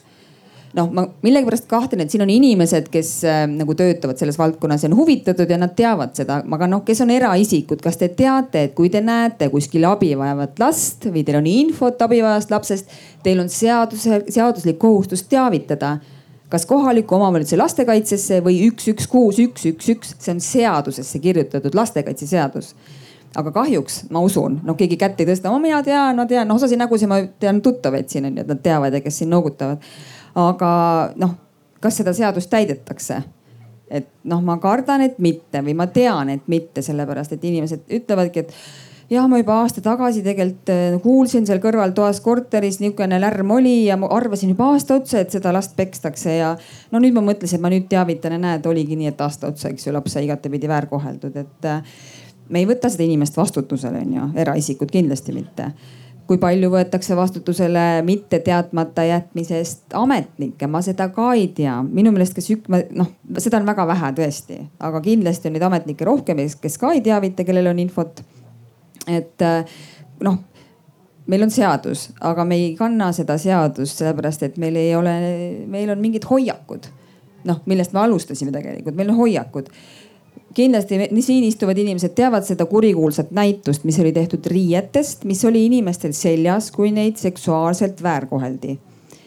ja noh, e, ma olen nagu oma koolitustel ka, ma koolitan, eks ju, lapsevanemad ja laps samamoodi, et mis te arvate, mis riided seal olid? seksuaalselt väärkoheldud inimeste riided siis tuleb kohe pähe kõigil mingisugused litritega topid, miniseelikud ja kõrged kontsakingad, et kindlasti olid need riided seal. aga tegelikult olid seal beebipodid Eh, naiste kodukitlid, dressid, täiesti tavalised inimesed, tavaliste inimeste, noh beebipodid ja lasteriided üldse nagu hirmutavad inimesi sihukesel näitusel. et noh, see oli ka sihuke hoiakute muutmiseks hea näide, et need ei ole äh, naised, kes ise lähevad peole ja, ja on süüdi selles, et need on seksuaalselt väärkoheldud, on tavalised inimesed keda kodudes enamasti siis väärkoheldakse. et see hoiakute muutmine, Depil oli tegelikult üks hea, kas ma võin öelda või tahad ise öelda, mis hoiakute? las ta ütleb ise et jah, hoiakutest, mida ma olen siis nagu täheldanud, et kui oli see Venno Loosaar äh, teema, et siis hästi paljud olid selle vastu, et kindlasti, kindlasti tema süüdi ei saa olla, onju. noh, näiteks minu laste lõpetamisel isegi ta oli ja et hästi paljudel oli see arvamus, et kuna ta on nagu ikkagi lastega töötanud ja et ta on nagu armas inimene justkui, et siis tema kindlasti pole midagi teinud. aga näiteks kui mõni tumedanahaline inimene on midagi sellist teinud või arvatakse kasvõi, et midagi sellist on teinud, siis ta on kindlasti teinud ja ta peaks kohe ahju minema ja et ta no kas peaks mingi Raekoja platsil, ma ei tea, ära tapma, hästi palju erinevaid kommentaare niivõrd see on. aga et kui on nagu armastatud valge Eesti inimene, et siis kindlasti ta seda ei teinud ja ta kindlasti ei teeks ka, et ta on ju noh, meie inimene mm.. Martin. ma juba seda kõike ju mainisin ka, eks ole, et, et kindlasti on palju, miljon asja, mida saaks teha, et anname raha juurde siia, kuulame eksperte, ei kuulata eksperte alati seisatakse, seistakse vastu ekspertidele, kui eksperdid ütlevad, et on probleem, palun lahendame. ei, ei saa, ei saa lahendada. ja muidugi hoiakud, et äh, me räägime siin, et, et kui hästi on lapsed kursis, kui hästi lapsed teavad, kuhu pöörduda, kas nad pöördusid. aga täiskasvanuid tuleb ka harida ja võib-olla tuleks on, tuleks isegi rohkem harida, et võib-olla, võib-olla see, kus see seisma jääb, on ikkagi täiskasvanud, mitte, mitte see laps või see ohver, et, et, et ohvrid ju võib-olla ei ole see probleem. ei pea ja võib-olla ohvrile ei saagi panna neid suuri kohustusi anda, olla ideaalne ohver, et, et see, see kohustus ikkagi ohvriga tegeleda tegelevatele inimestele, kes võib olla igaüks nagu, nagu siin toodi, et, et seadus ütleb, et ongi igaüks, et, et, et, et kuidas me nendeni selle teadmise viime. et kuidas selles olukorras tegeleda et see olukord on üldse päris võib-olla üks teema, et see on väga tabu, ebamugav teema. et kui juba nokulaul ja seksuaalsus, sõna seksuaalsus ajab inimesed pöördesse, siis laste seksuaalsus just, et see kohe nagu pedofiilia. et, et siis, et oli, ma olen ka faktikontrollija et tegin faktikontrolli väite, ühele uudisportaali väitele, WHO väitel tuleb lastele õpetada masturbeerimist. ja, ja, ja ma pikalt pidin vaidlema sellesama uudisteportaaliga, et miks nad eksivad. et, et, et täiskasvanud inimesed on rumalad selles küsimuses, selles on probleem. Mm, Kristiina, ma tahaks sinu käest ka kuulda, et mis sa arvad, selles mõttes lõppude lõpuks natukene anna nagu viis ikkagi märkajate peale, eks ju selle, selle käsitluse, aga mulle tundub noh, tõesti nagu ühiskonnas on palju muutust olnud ja ka seda märkamist, et, et mulle tundub, et see, mida võib-olla Margo ütles, et see nii-öelda sinna nende lugude sisse saamine on probleemne, et seal selekteeritakse ära sealt see kukub rohkem välja, mitte ma ei taha öelda ka, et märkamisega kõik ideaalne oleks, kindlasti saab paremini.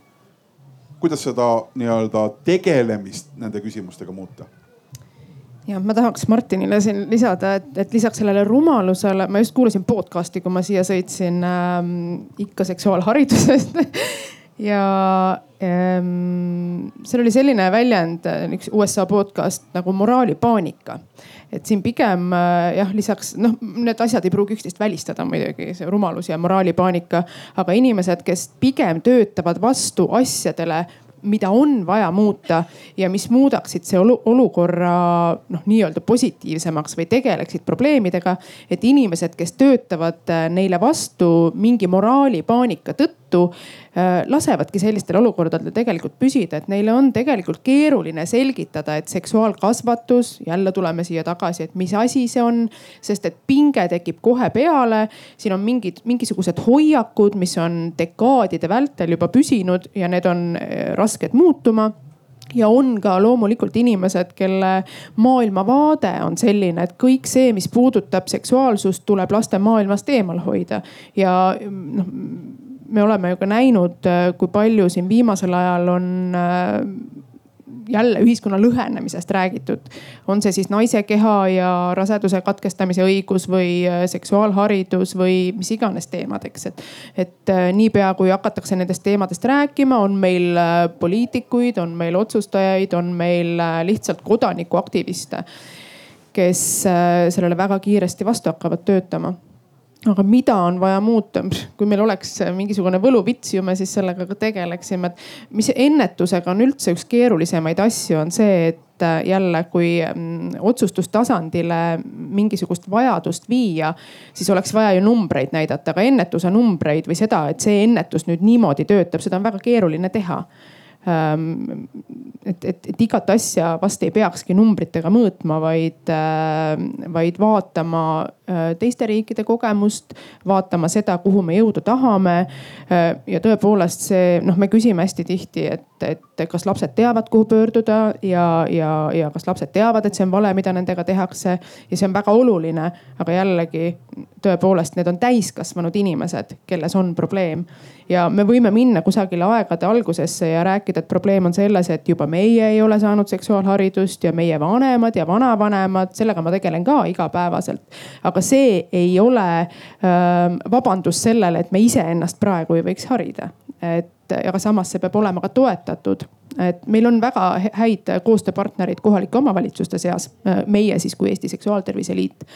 Mm ja on ka samas näiteid, kus kohaliku omavalitsuse mm, otsustajad ütlevad, et aga lapsevanemad saavad ise endale seksuaalharidust otsida. miks meie peame sellega tegelema, õpetajad saavad ise endale seksuaalharidust otsida.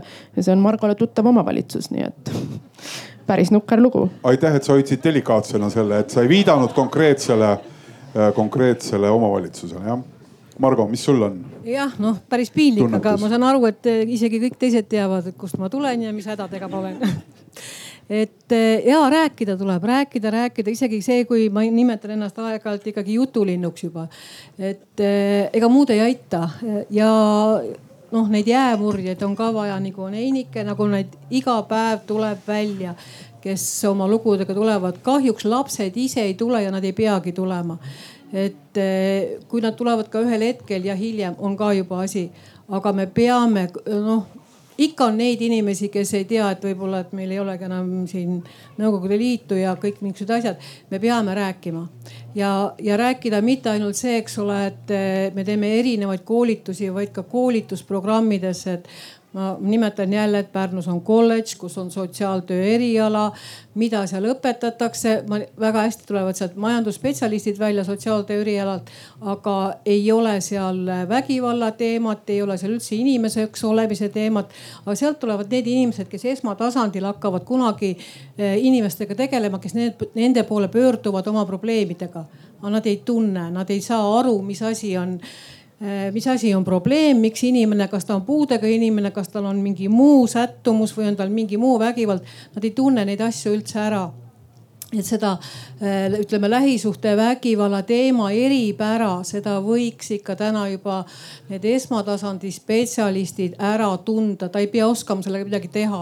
aga siis ta võib-olla tuleb seda, et ah, siis ma helistan Pärnus Margole, et noh, see ikka teab. et seda koostööd meil ei ole ja noh, rääkida tuleb ja kõik see, et me siin ikka ja jälle räägime, iga kord on ju Paides ikkagi see nurgake olemas, et me räägime, sest noh, ehk jälle kuskilt jäi külge see on see, mis me teha saame, et, et ega me ju, me teame, hoiakuid muuta on äh, sajandite küsimus see ei tule nipsust ja ühe päevaga, uue telefoni võtame kohe omaks, eks ole, aga, aga hoiakud on ikka sellised, et noh, küll siis oli hea ja nii on mugav. kui sa ütled koostöö, siis see on ka alati nagu tore küsida, et, et kelle koostööpuudust sa siis näed või et, et kuhu see koostööpuudus seisma siis jääb? Kõige selle juures? no ütleme sihukest asja, et me ju, kui me tegeleme emaga, kes on lähisuhtevägivalla ohver, tal on ka lapsed, kes on, kes on juba süsteemis sees. kaksteist aastat olen ma seda tööd teinud, ükskord üks maakonna lastekaitsespetsialist küsis, et kuule, et aga kuidas sina näed me teeme nendega iga aasta laagreid, kus ma näen väga hästi seda suhet või seda lapse või vanema käitumist, et selleks me laagreid teemegi, et saada seda täispilti et äh, ei tunta üldse huvi kuidas, eh, kuidas, mitte see, et ma, ma ei ole kindlasti see, kes eh, kinnisilmi läheb ja kaitseb ainult naisi ja nii ja naa. aga me, me ka ju näeme võib-olla seda naist tahaks siitpoolt või sealtpoolt või, või kasvõi koos kuidagi saame tal, saame seda last aidata või seda naist, eks ole, et, et, et noh, ei ole nihukest asja. MTÜ on MTÜ, tehke teie, mis te tahate, no raiskate riigi raha aga millegipärast kliendid tulevad.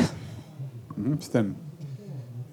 jah, küsimuse, küsimust püstitades äh, sa põimisid sinna sisse ka selle, et kas on seadustes midagi muuta. sellele vastuseks pean mina tunnistama, et ma seadustes ei näe otseselt midagi, mida väga oleks vaja muuta, et ma ei ole selles mõttes üldse originaalne, et ma pean kõigi eelkõnelejatega nõustuma, et äh, eelkõige on küsimus hoiakutest et pea, hoiakutes peab toimuma mingi selline muutus, mis võtab äh, ohvritelt äh, hirmu äh, juhtunust rääkida. ka riik saab hakata aitama siis, kui, kui võimalikult ruttu räägitakse sellest, mis juhtus. mida kiiremini see info jõuab menetlejani, seda paremini on võimalik ka tõendeid koguda. kasvõi isegi kui need tõendid on ainult selle ohvri enda ütlused siis ka need ütlused on no selles mõttes siis kindlamad või, või, või neid on nojah, kindlamad nii-öelda menetleja jaoks just selle väiksema ajavahe tõttu. ja hoiakute muutmine just eelkõige näen ma siin seda, et on vaja kuidagi saada üle sellest ohvri süüdistamisest. ja kuidas seda täpselt teha, kindlasti on inimesi, kes, kes teavad seda minust paremini. küll ma oskan öelda seda, et, et tegelikult on ju üsna hea näide ees. et siin nende enne meie vestlusringi kõlanud lugude äh, raames kõlas ka see äh, statistika, mis puudutab äh, vägivalda ja lähisuhtevägivalda. ja, ja sealt käis läbi see protsent, et kui suur vägivallajuhtumitest on lähisuhtevägivalla juhtumid. ja nii uskumatu, kui see ka pole, tegelikult see number on positiivne. see äh, positiivne on ta selles mõttes, et see, see number on läinud järjest üles. ja ta ei ole läinud üles mitte sellepärast, et, äh, et on lähisuhtevägivalda rohkem, vaid sellepärast, et sellest räägitakse rohkem. ja see on saavutatud just hoiakute muutuse tõttu anna, ma kohe sulle, ma küsin Heinikese käest ka sedasama küsimust. et kas sul on mingi selline enda arusaam või nägemus, et mida peaks tegema, et need äh, lapsed, kes praegu sarnases olukorras nagu sina kunagi olid äh,, ei peaks otsima. noh, osaliselt me saame aru, et, et nad võib-olla teavad seda numbrit paremini. Nad oskavad võib-olla kusagilt äh, paremini abi otsida, aga, aga et mis see muudatus on, mida sina ühiskonnas ootad ähm,? mina arvan, et peaks küll seaduseid muutma. Äh, mina arvan, et äh, sellised kuriteod äh, ei tohiks tegelikult kunagi aeguda. sellepärast, et ohvri jaoks ei aegu see mitte kunagi. ja ma arvan, et see ka, et nad, kui nende lugudega nii-öelda ollaksegi valmis välja tulema lõpuks, aga seadusandlus ei soosi sind enam kuidagimoodi, siis need lihtsalt nagu maetakse maha see, mis kunagi juhtus, see peaks olema ikkagi ka praegu menetletav? mina arvan nii jah mm. -hmm. Martin, kas sa tahad kuidagi sellele mõttele kaasa kajada, enne kui ma Steni käest küsin seda? ei, me autos just arutasime ka, et, et, et sellest on ju räägitud, et jah, et sellel kohtunik oskab kindlasti paremini selgitada, miks on need aegumise tähtajad, aga just miks on aegumise tähtaeg oluline pedofiilia kuriteo puhul, kus, kus ongi ju tihti nii, et võib-olla laps ei saagi aru, et temaga on, teda on väärkoheldud ja mõistab seda alles täiskasvanu eas. ja, ja teine küsimus on muidugi siis see, et kas see, kas see kriminaalmenetlus, see karistamine, kas see toob selle lahenduse, mis me soovime. kui palju on selles hoiakutes seda, kuidas pedofiilidega pärast käitutakse, kui, kui nad on oma teod toime pannud, et see on ka teema, mille üle võiks arutleda mm. -hmm. aga kui äh, öeldi siin ennem, et äh, pärast nii-öelda karistuse saamist enam nad äh, midagi ei tee, siis äh, neil tegelikult võiks ju see hirm justkui naha vahel olla, et, et ühel päeval see laps hakkab rääkima mm. -hmm. Sten, äkki sa kommenteerid seda kuidagi õiguse vaatenurgast?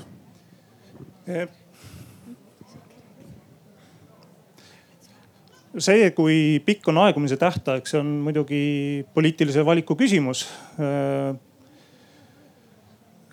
on vist tõesti riike, kus äh, seksuaalkuriteod ei aegu, ma ei ole selles täiesti kindel, aga, aga mul justkui on kuskilt selline asi meeles. Äh, samas äh, mulle tundub, et ka Eestis ei ole need tähtajad nüüd nii hirmus lühikesed. et tõsised seksuaalkuriteod on esimese astme kuriteod, mille puhul on aegumistähtaeg kümme aastat ja minu mäletamist mööda on äh, lapseealise puhul, äh, suhtes toime pandud äh, seksuaalkuriteo puhul ka erand.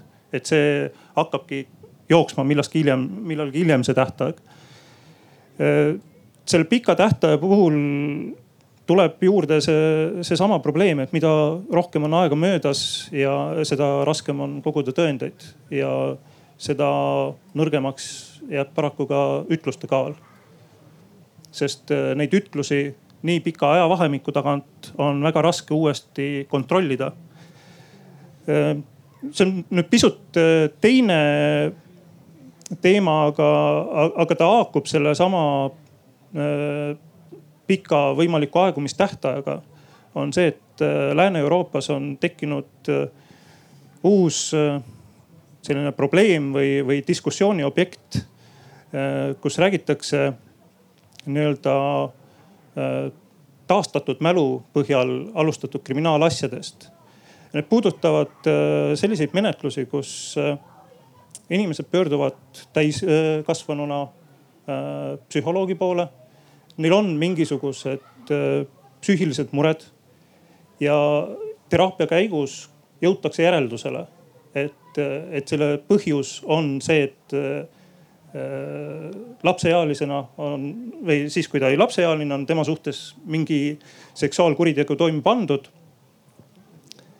Äh, mida ta vahepeal ei mäletanud, et siis väide on see, et mälestused olid alla surutud ja erinevates riikides on praktika erinev, et on näiteks Hollandis on üldpraktika see, et äh, sellistel juhtudel kriminaalmenetlust ei alustata sest äh, inimese mälu on äh, niivõrd mõjutatav, et sellisel juhul ei saa olla kindel, et see taastatud mälestus, hoolimata sellest, et ta inimese jaoks on täiesti ehe mälestus, mitte kuidagi ei ole eristatav äh, muudest mälestustest tema jaoks. äh, et ei ole kindel, et, et see on ikkagi kunstlikult loodud mälestus. Anna nii palju inimesi kui vahepeal räägib, siis tuleb uusi mõtteid juurde mm,. alustan sellest, et kui need etüüdid siin olid, siis Debbie juhtis tähelepanu, et vaata inimeste nägusid. kõigil olid siuksed nagu, et noh, siuksed vastikud näod olid, inimesed nagu läksid kaasa selle looga, mida siin lapsed meile esitasid. ja, ja kõigil olid siuksed ebameeldivad äh, näod ees et mida ma hakkasin mõtlema, et, et meil on inimesed, kes tulevad lugudega välja, täna istub Einike siin, et meil oli see Triin, kes tuli jalgpallilooga välja ja on inimesi, on ka mehi, kes on välja tulnud oma lugudega. see šokeerib.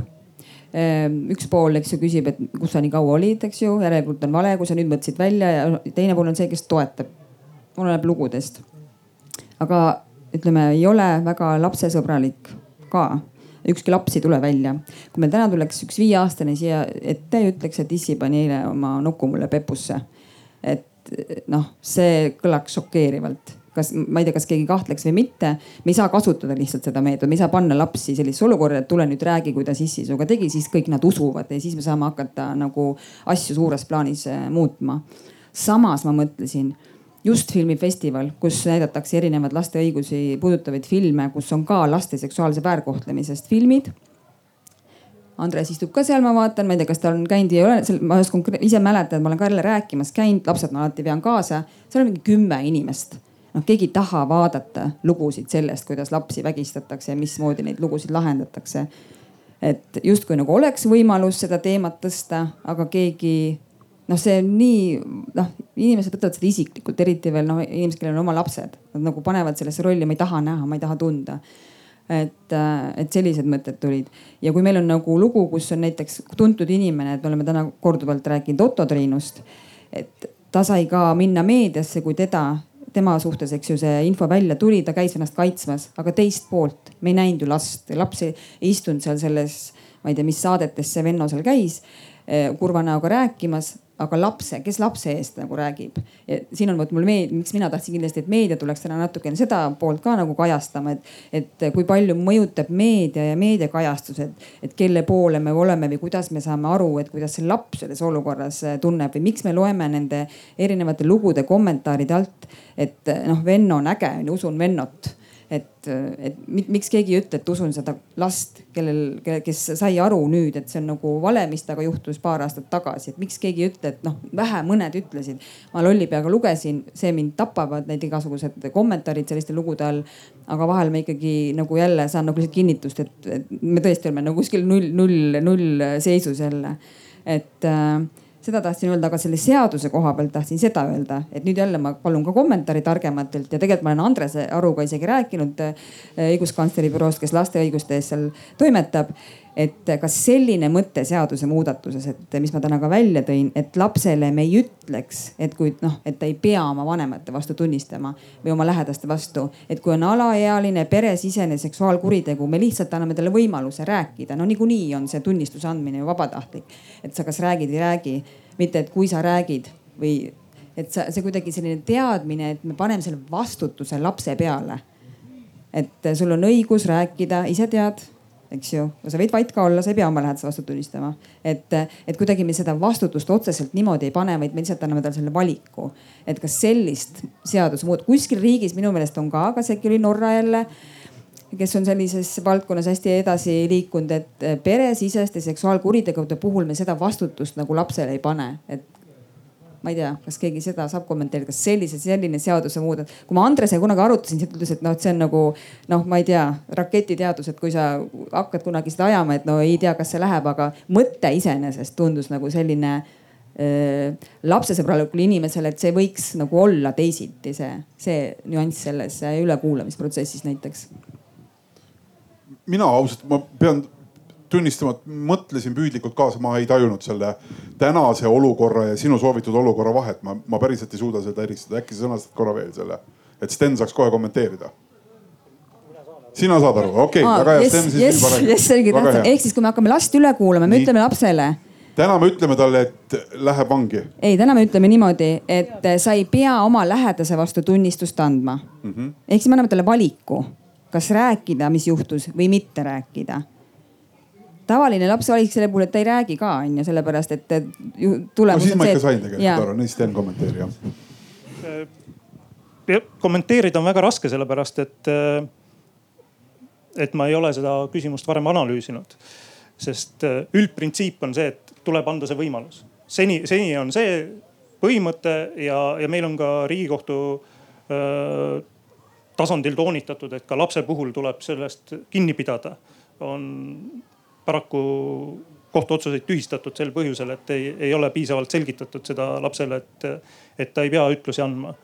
et kuna see üldpõhimõttena kehtib, et tuleb, tuleb seda selgitada ja, ja, ja see on selline mitte ainult Eestis, vaid ka õiguse selline üldpõhimõte, siis sellest erandi tegemine eeldab sellist päris tõsist analüüsi, nii et siin praegu hoobilt ma kohe kuidagi ei ole võimeline sellele vastama just otseselt küsin, ka lihtsalt mõtlesingi, et kas me võiks hakata analüüsima seda või, et kuidas see võiks olla Üles nagu lapsesõbralikum jah ja,? alates esmaspäevast kohe. Sten mõtleb praegu, eks ta pärast ütleb sulle otse ma olen hea meelega nõus selle ettepaneku justiitsministeeriumile edasi andma. võib-olla siin see viimane paarkümmend minutit veel. Tuletan ikkagi meelde, et ka küsimused ja endapoolsed kommentaarid on kõik siit auditooriumist võimalikud, et andke käega märku kindlasti. aga võib-olla noh, täitsa sellisel praktilisel tasandil ka. et, et kuidas omaenda lastega rääkida ja, ja kuidas aidata neile need arusaamised ja, ja noh, kuidas? Muidugi istudes ja vesteldes, eks ju, aga, aga millest rääkida? Ja kuidas rääkida, et, et tekiks see arusaamine, et tekiks see nagu see lapse, lapse enda oskus mõista neid olukordi, mis tal elus ette võivad tulla no ma kohe nüüd ütleks, et, et päris istudes ja vesteldes, no sa võid seda ka teha, aga üldiselt vist ei ole nii, et no täna teelauas räägime nüüd sellest, mis on peenis ja mis on vulva, eks ju. et või, või ükskõik millistest asjadest, mis seksuaalkasvatuse juurde käivad mm lapsevanemana tegelikult on meil ju väga palju erinevaid võimalusi, äh, kuidas lapsega või, või, või mille kaudu lapsega rääkida. me mängime lastega äh, autod, nukud, äh, mänguloomad, igasugused muud asjad, kõik need annavad väga head võimalused tegelikult lastega kõneleda. aga millest hakkab asi pihta, on see, kuidas me ise oleme. ka seksuaalkasvatus ei hakka sellest, mida me räägime lastele, ta hakkab sellest, kuidas me ise oleme ja kuidas me lastega oleme. et kui meie, meie seksuaalsus, mis on inimeseks olemise juures täiesti loomulik osa, et kui, kui me ka sellest räägime loomulikult, nii nagu kõikidest muudest elunähtustest. et sellest me peaksime pihta hakkama, et me ei pingesta, me ei lae seda kuidagi. Äh, jälle, miks täiskasvanud lähevad pingesse, äh, kui rääkida seksuaalkasvatusest või kui rääkida kasvõi nii lihtsast küsimusest, et äh, noh, et laps küsib, et kust lapsed tulevad, et siis ma pean talle hakkama ju rääkima seksist. ei pea, sest laps küsib, kust lapsed tulevad. et, et kui, kui saada see pinge maha et laste seksuaalsus ei ole sama, me ei vaata sedasama prisma läbi, mille läbi me vaatame täiskasvanud inimeste seksuaalsust. et me peame neid, neid asju selles mõttes, jah, nad on küll mingis mõttes ühes potis, aga me käsitleme neid erinevalt. me käsitleme lapse seksuaalsust erinevalt täiskasvanu seksuaalsusest selles mõttes, et seal seda noh, mingit erotiseeritust või mingisugust laetust või, või sellist iha või ükskõik, kuidas inimesed kogevad oma seksuaalsust või väljendavad.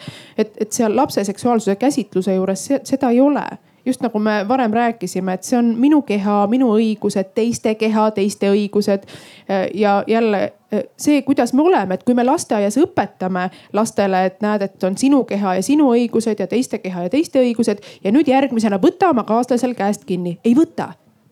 sa küsid oma kaaslaselt, kas ma tohin sult käest kinni võtta või kas sa tahaksid mulle kätt anda et, et kui me anname ka vastakaid sõnumeid, see ajab lapsed segadusse või see, kui me ütleme, et sinu keha on sinu oma, teiste kehad on teiste omad, aga kui vanatädi tahab sind kallistada, siis sinu keha ei ole sinu oma, sest sa pead viisakas olema jällegi me anname väga vastukäivaid sõnumeid lastele. et see, see jälle ei käi nipsust, see ei tule üleöö, me ei oska, aga me peame õppima seda sest muud moodi me seda, seda ringi lahti ei murra. Debbie haaras mikrofoni ja ma tahtsin äh, rääkida, kui siin enne oli see, et noh, et kuidas lapsele siis seda seksuaalsu-, seksuaalkasvatust siis õpetada, et istud maha ja räägid, et äh, ma ei mäleta oma elus mitte kunagi, et oleks nii olnud, et ma tean ma tean, nagu ma oleks terve aeg kõike teadnud, sest et mul on lihtsalt iga vanusega mingi uus asi võib-olla tulnud. aga mul on tunne ikka, et ma tean kõike alati, onju ja kui ma läksin kooli ja lasteaeda või no, lasteaiast ma nii palju ei mäleta, aga kui ma kooli läksin, siis ma mäletan, et eh, noh, tehti nalju, mingid noh, pepu-nuku naljad, millest mina aru ei saanud. sest et minu jaoks need olid nagu, ma ei tea, nagu see ei ole nagu naljakas või nagu, ma ei tea, kas ma olin nii täiskasvanulik või ma ei tea, mis oli. aga, ja kui oli inimeseõpetuses hakati rääkima niimoodi nagu asju, mida mulle räägiti kolmeaastaselt, kus on mu keha ja nii, siis ma sain nagu šoki, et inimesed ei teagi õigeid neid nimetusi ja nad ei teagi kus on nende nagu, mitte midagi ei teadnud ja ma sain ise rääkida nii palju, sest et keegi ei teadnud midagi, mis oli minu jaoks nii võõras ja et eh, kuidas seda siin räägiti ka, et eh, noh, et peab lapse käest siis noh küsima, et nagu tekitada temas seda tunnet, et tal on ka mingi õigus. Et kuidas meie või noh, mul on siis emme õpetanud seda, et eh, ma olen siis nelja-aastase ja kaheaastase lapse tädi siis. et iga kord näiteks, kui käib vetsus või nii, siis ma pean alati küsima, et kas ma võin su peput pühkida ja kui ütleb ei, siis ma ei pühigi siis ma pakun talle ise, et ta võib seda pühkida või siis jääb praegult nii. et see annabki talle selle võimaluse ka, et ta saab nagu, saab aru, et tal on see võimalus otsustada, mitte ma ütlen, et jah, ma pean ikka, sest et muidu sul jääb pepu nagu mustaks, et see tekitab jälle selle tunde, et tal pole nagu, tal pole õigusi. Anna. jah, need kaks äh, last on minu lapselapsed siis kes on suurepärane materjal äh, selleks, et äh, saada ise targemaks emana ja vanaemana ja siis veel seda tarkust edasi jagada. ja kui siin Kristina ütles, et me peame lapsele õpetama, et tema keha on tema oma ja ta võib sellega toimetada, siis me peame üht, selle, selle raames ka õpetama, et ka nende keha on koht, millele ei tohi haiget teha, et sama seksuaalkasvatuse raames, eks ju. Mingis vanuses on väga suur huvi oma suguelundite siis äh, vastu ja sinna topitakse asju, puudutakse ja venitatakse ja lõhutakse, et, et nende, nendega tegelemine sihukesel tervislikul moel ja kui Kristina ütles, et ärme küünlaõhtuid tee, siis tegelikult saab ju küünlaõhtuid ka teha, et äh, kui ma ei öelnud, et ärme tee. No, see ei ole ainuke viis ja just, et tegelikult on see ka väga ilus viis, äh, mida mina olen ka rakendanud. Debbie just ei mäleta, et oleks olnud selliseid, aga noh, meil oli väga. et äh, et kui laps küsib kuskil vaat bussipeatuses või, või kuskil avalikus kohas, et no mis see peenis on või, või kust lapsed tulevad, et tavaliselt on see ebameeldiv koht lapsele nagu vanemale seletada ka tavaliselt, mitte kõigil vanematel et siis saabki teha nagu sellise ettepaneku, et kuule, jumala hea küsimus on ju, et teeme õhtul väikse tee ja paneme külla ja siis ma räägin ja noh, vanem saab siis ette ka valmistada, et. tegelikult jah, neid, neid mooduseid, kuidas, kuidas seda seksuaalkasvatust teha on, on palju ja ma ei tea, ma loodan, et siin on neid vanemaid, kes ennast nagu ise on valmis harima selles osas, et rääkima nii seksuaalkasvatusest kui ka, kui võimalikust seksuaalväärkohtlemisest, sest seda ikkagi peljatakse rääkida et, et, et on oht sattuda ohvriks ja kui me seda jälle seda numbrit ikkagi siin mu selja taga vaatame, et see on väga suur oht. et see nendest ohtudest rääkida ja sellest võimalusest, et kuidas ennetada ja mida siis teha. kas sa tahad, Margo, lisada midagi? ja, sest kui kõik eelnevad rääkisid nendest väikelastest, siis äh, mina räägiks nendest, kes on natuke juba suuremad, oskavad lugeda, saavad asjadest rohkem aru, et, et meil on olemas ohumärgid ohumärgid, kui sinuga käitutakse kuidagi eh, ebameeldivalt, inetult või sinu õigusi rikkuvalt et eh, neid ei ole palju, nad on internetis leitavad igal pool. me õppisime, mul on ikka alati hea näide, mida ma kasutan, on see, et me õppisime elama ja ellu jääma, kui tulid teedele esimesed autod. me õppisime selle ära, et see on oht minu elule me teame, et sealt tuleb, ta tuleb äh, kiiresti, tal on müra, tal on jõud. ma tulen sellega toime ja nüüd on seesama, eks ole, et ma elus õpin ka ära need ohumärgid, eks ole. kui ta käitub nii, ahah, see on ohtlik, kui ta teeb nii, nii, see on ohtlik, sest see kõik on, see kõik on õpitav, seda ei ole palju A4 peale mahuvad ära laialt kirjutatult. et äh, need on need asjad, mida tuleks hakata juba ütleme siis koolis natukene suurematele rääkima ja enne ikkagi küpsustunnistust kätte ei saa, kui sa neid peast ette kannad.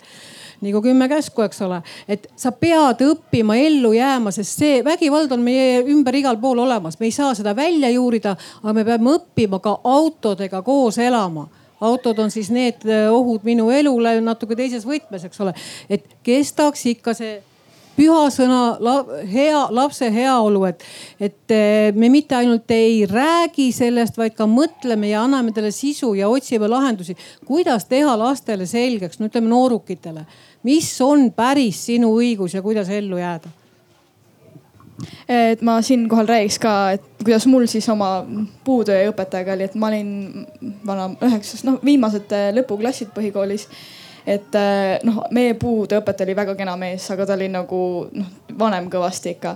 aga ta oli alati sihuke noh mees, kes nagu tüdrukutele meeldis ja me alati mingi itsitasime ja meil äh, oli mingitel perioodidel oli meil ka siis puutöö ja ta oli alati nõus tegema nagu minu siis äh, noh töö, mida näit-, võttis alati näidisena, alati näitas teistele, kuidas teha. ja ma mõtlesin, et noh, ta nagu kuidagi noh, ma meeldin talle või nii onju aga ma alles nagu hiljem sain aru, et tegelikult see ei olnud normaalne, et ma isegi, et ta üldse niimoodi, isegi siis, kui ma meeldisin talle, et see ei olnud normaalne, et ta niimoodi nagu käitus, et noh, mul oli muidugi kergem, ma ei pidanud neid asju seal kaasa väga tegema aga lihtsalt, kui ma nüüd selle peale analüüsin, siis ma nagu vau wow,, et see ei olnud okei okay,, et mingi täiskasvanud mees, kes on nelikümmend midagi, tegi nagu, käitus minuga nagu teistmoodi või eelistas mind kuidagi või tekitaski sihukese tunde, et ma päriselt meeldin talle. vot sellist ohtu on raske märgata ja kuidagi tajuda tahad öelda või? aa, okei okay., et noh, minul oli hästi-hästi kuulata, et vot kasvanud, eks ju, sellise emaga aga ikkagi ta ei, ta ei taju ära, et see, see on see koht, kus meil on nagu täis, see on see täiskasvanu vastutus, see, kuidas tema peaks käituma. et äh, ma ei tea, kas sa koolis rääkisid või rääkinud, kellelegi rääkinud, no vot nüüd on, ma ei tea, kas õpetaja töötab seal või ei tööta, ei tööta.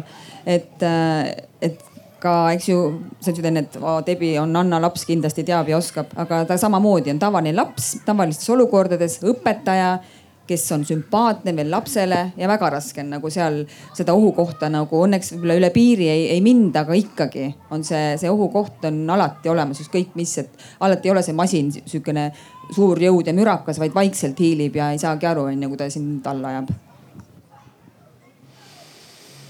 viimane küsimus ja, ja siin ma ootan tõesti kõigilt teilt äh, mingit sellist väiksemat lühemat, suuremat, pikemat, kuidas keegi tunneb äh, vastust.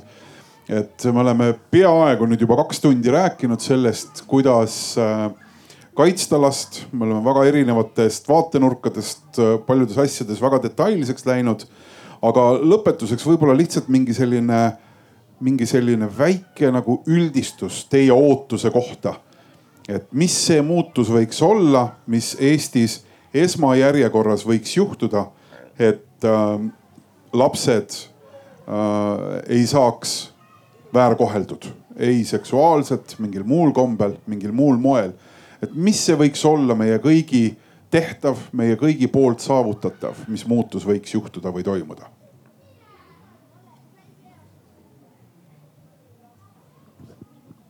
ma võin alustada siit, et äh, kui ma nüüd äh, mitu aega olen kuulnud, meil on uus termin Eestis me räägime kommunikatsioonist sellisest toredast asjast nagu müksamine, nügimine. et kuidas me toome ühiskonda sisse juba vägivaldsust. et eh, väga tore, kassa juures on kommid, eks ole, tegelikult see on müksamine.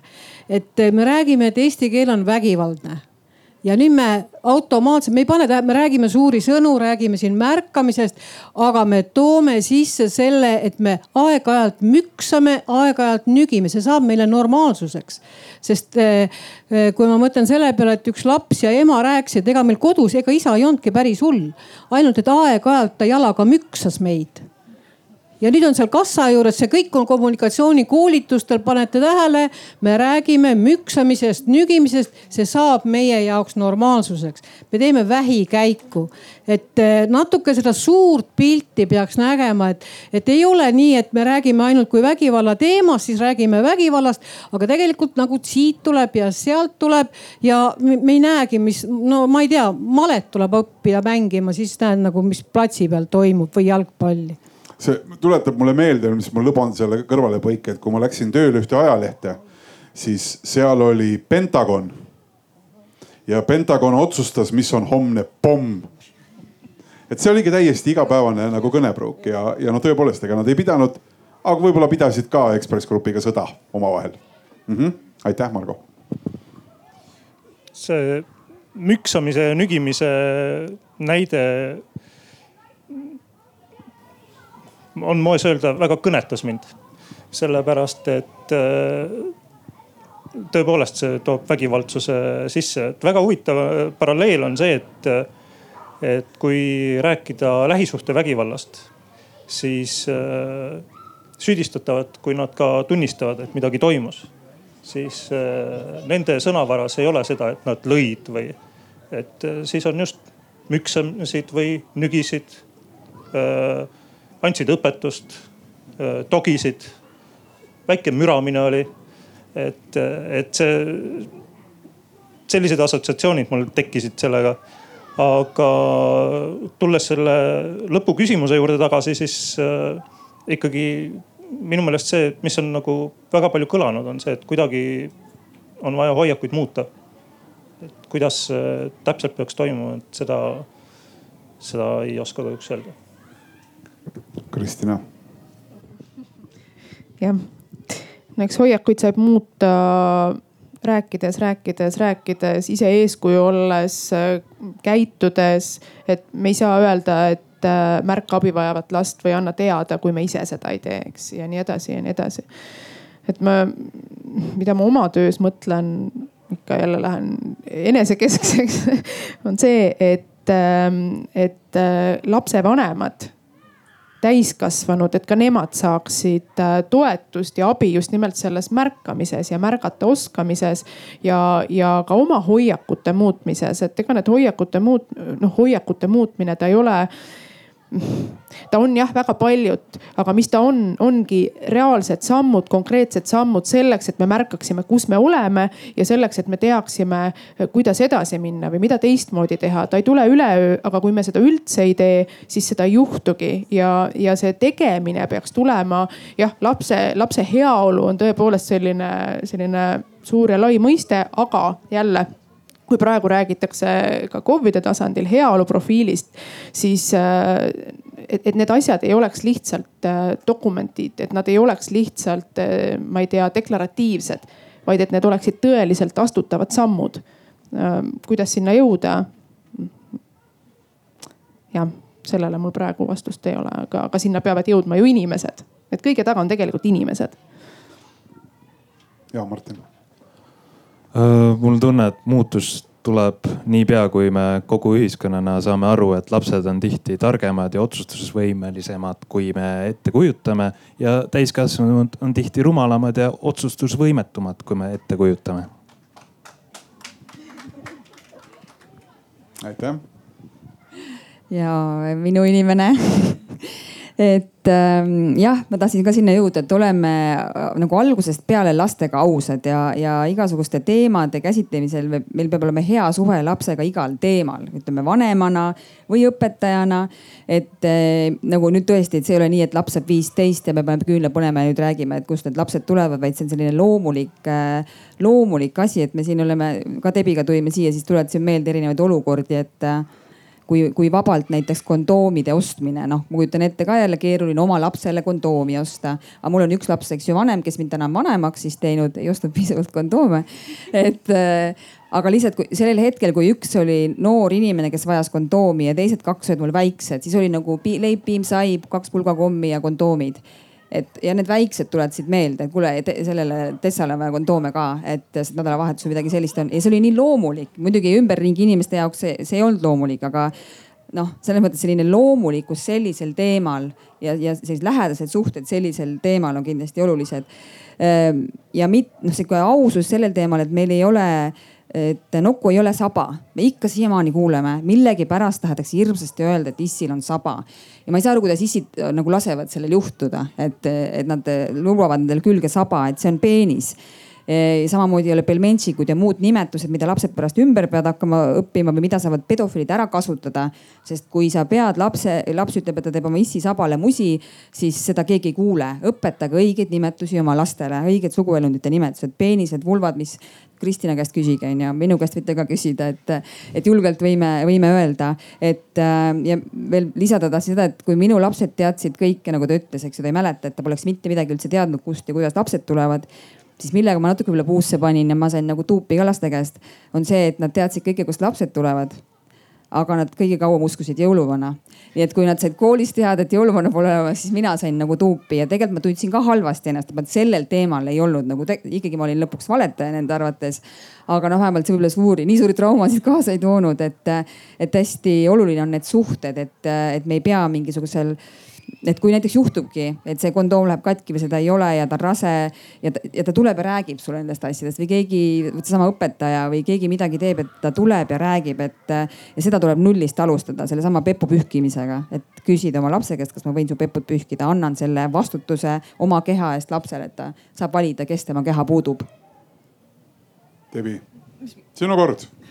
mis muutus sina, noor inimene, ootad Eesti ühiskonnas, et äh, lapsed ei jah, et see statistika seal ei peaks paika, et. no mina ikkagi arvan, et äh, koolis peaks rohkem vabamalt sellest rääkima, sest et äh, minu inimeseõpetuse õpetaja oli küll väga noor, aga ta ega väga ei julgenud rääkida meiega õigete terminitega, me pigem tegime seal tunnis rohkem nalja, me vaatasime nagu videosi.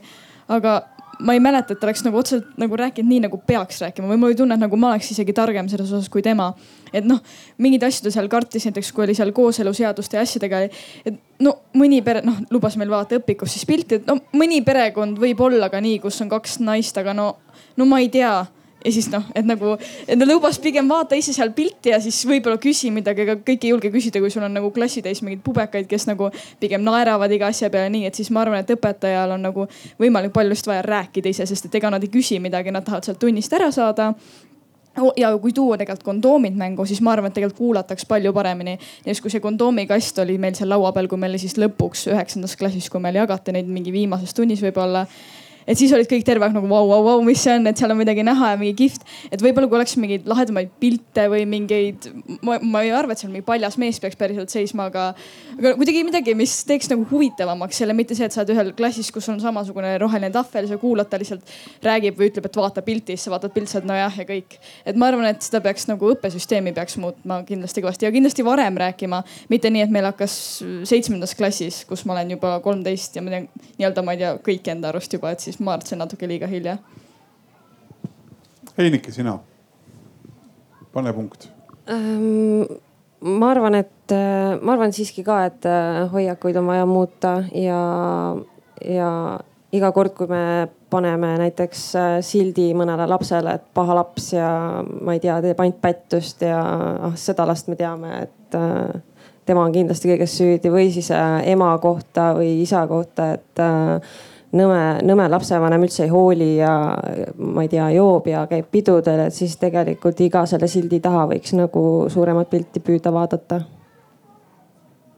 aitäh, suur aitäh teile rääkijad, Devi Margaret, Anna, Martin, Kristina, Margo, Sten ja Heinike, suur tänu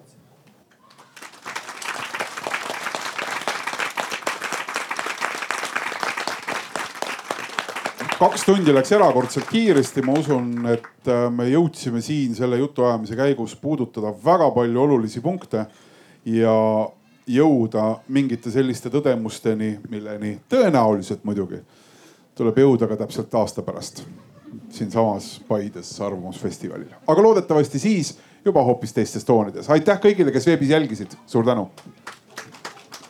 kas sa tead, et iga viies laps Euroopas on seksuaalselt väärkoheldud? Tõde võib olla peidetud ja esialgu silmale nähtamatu. meie asi on märgata, uskuda ja info edastada. selleks, et mina saaksin uurida laste suhtes toime pandud seksuaalkuritegusid, on väga tähtis, et sina, täiskasvanu, usuksid last. usu last, usu last. usu last. usu last, usu last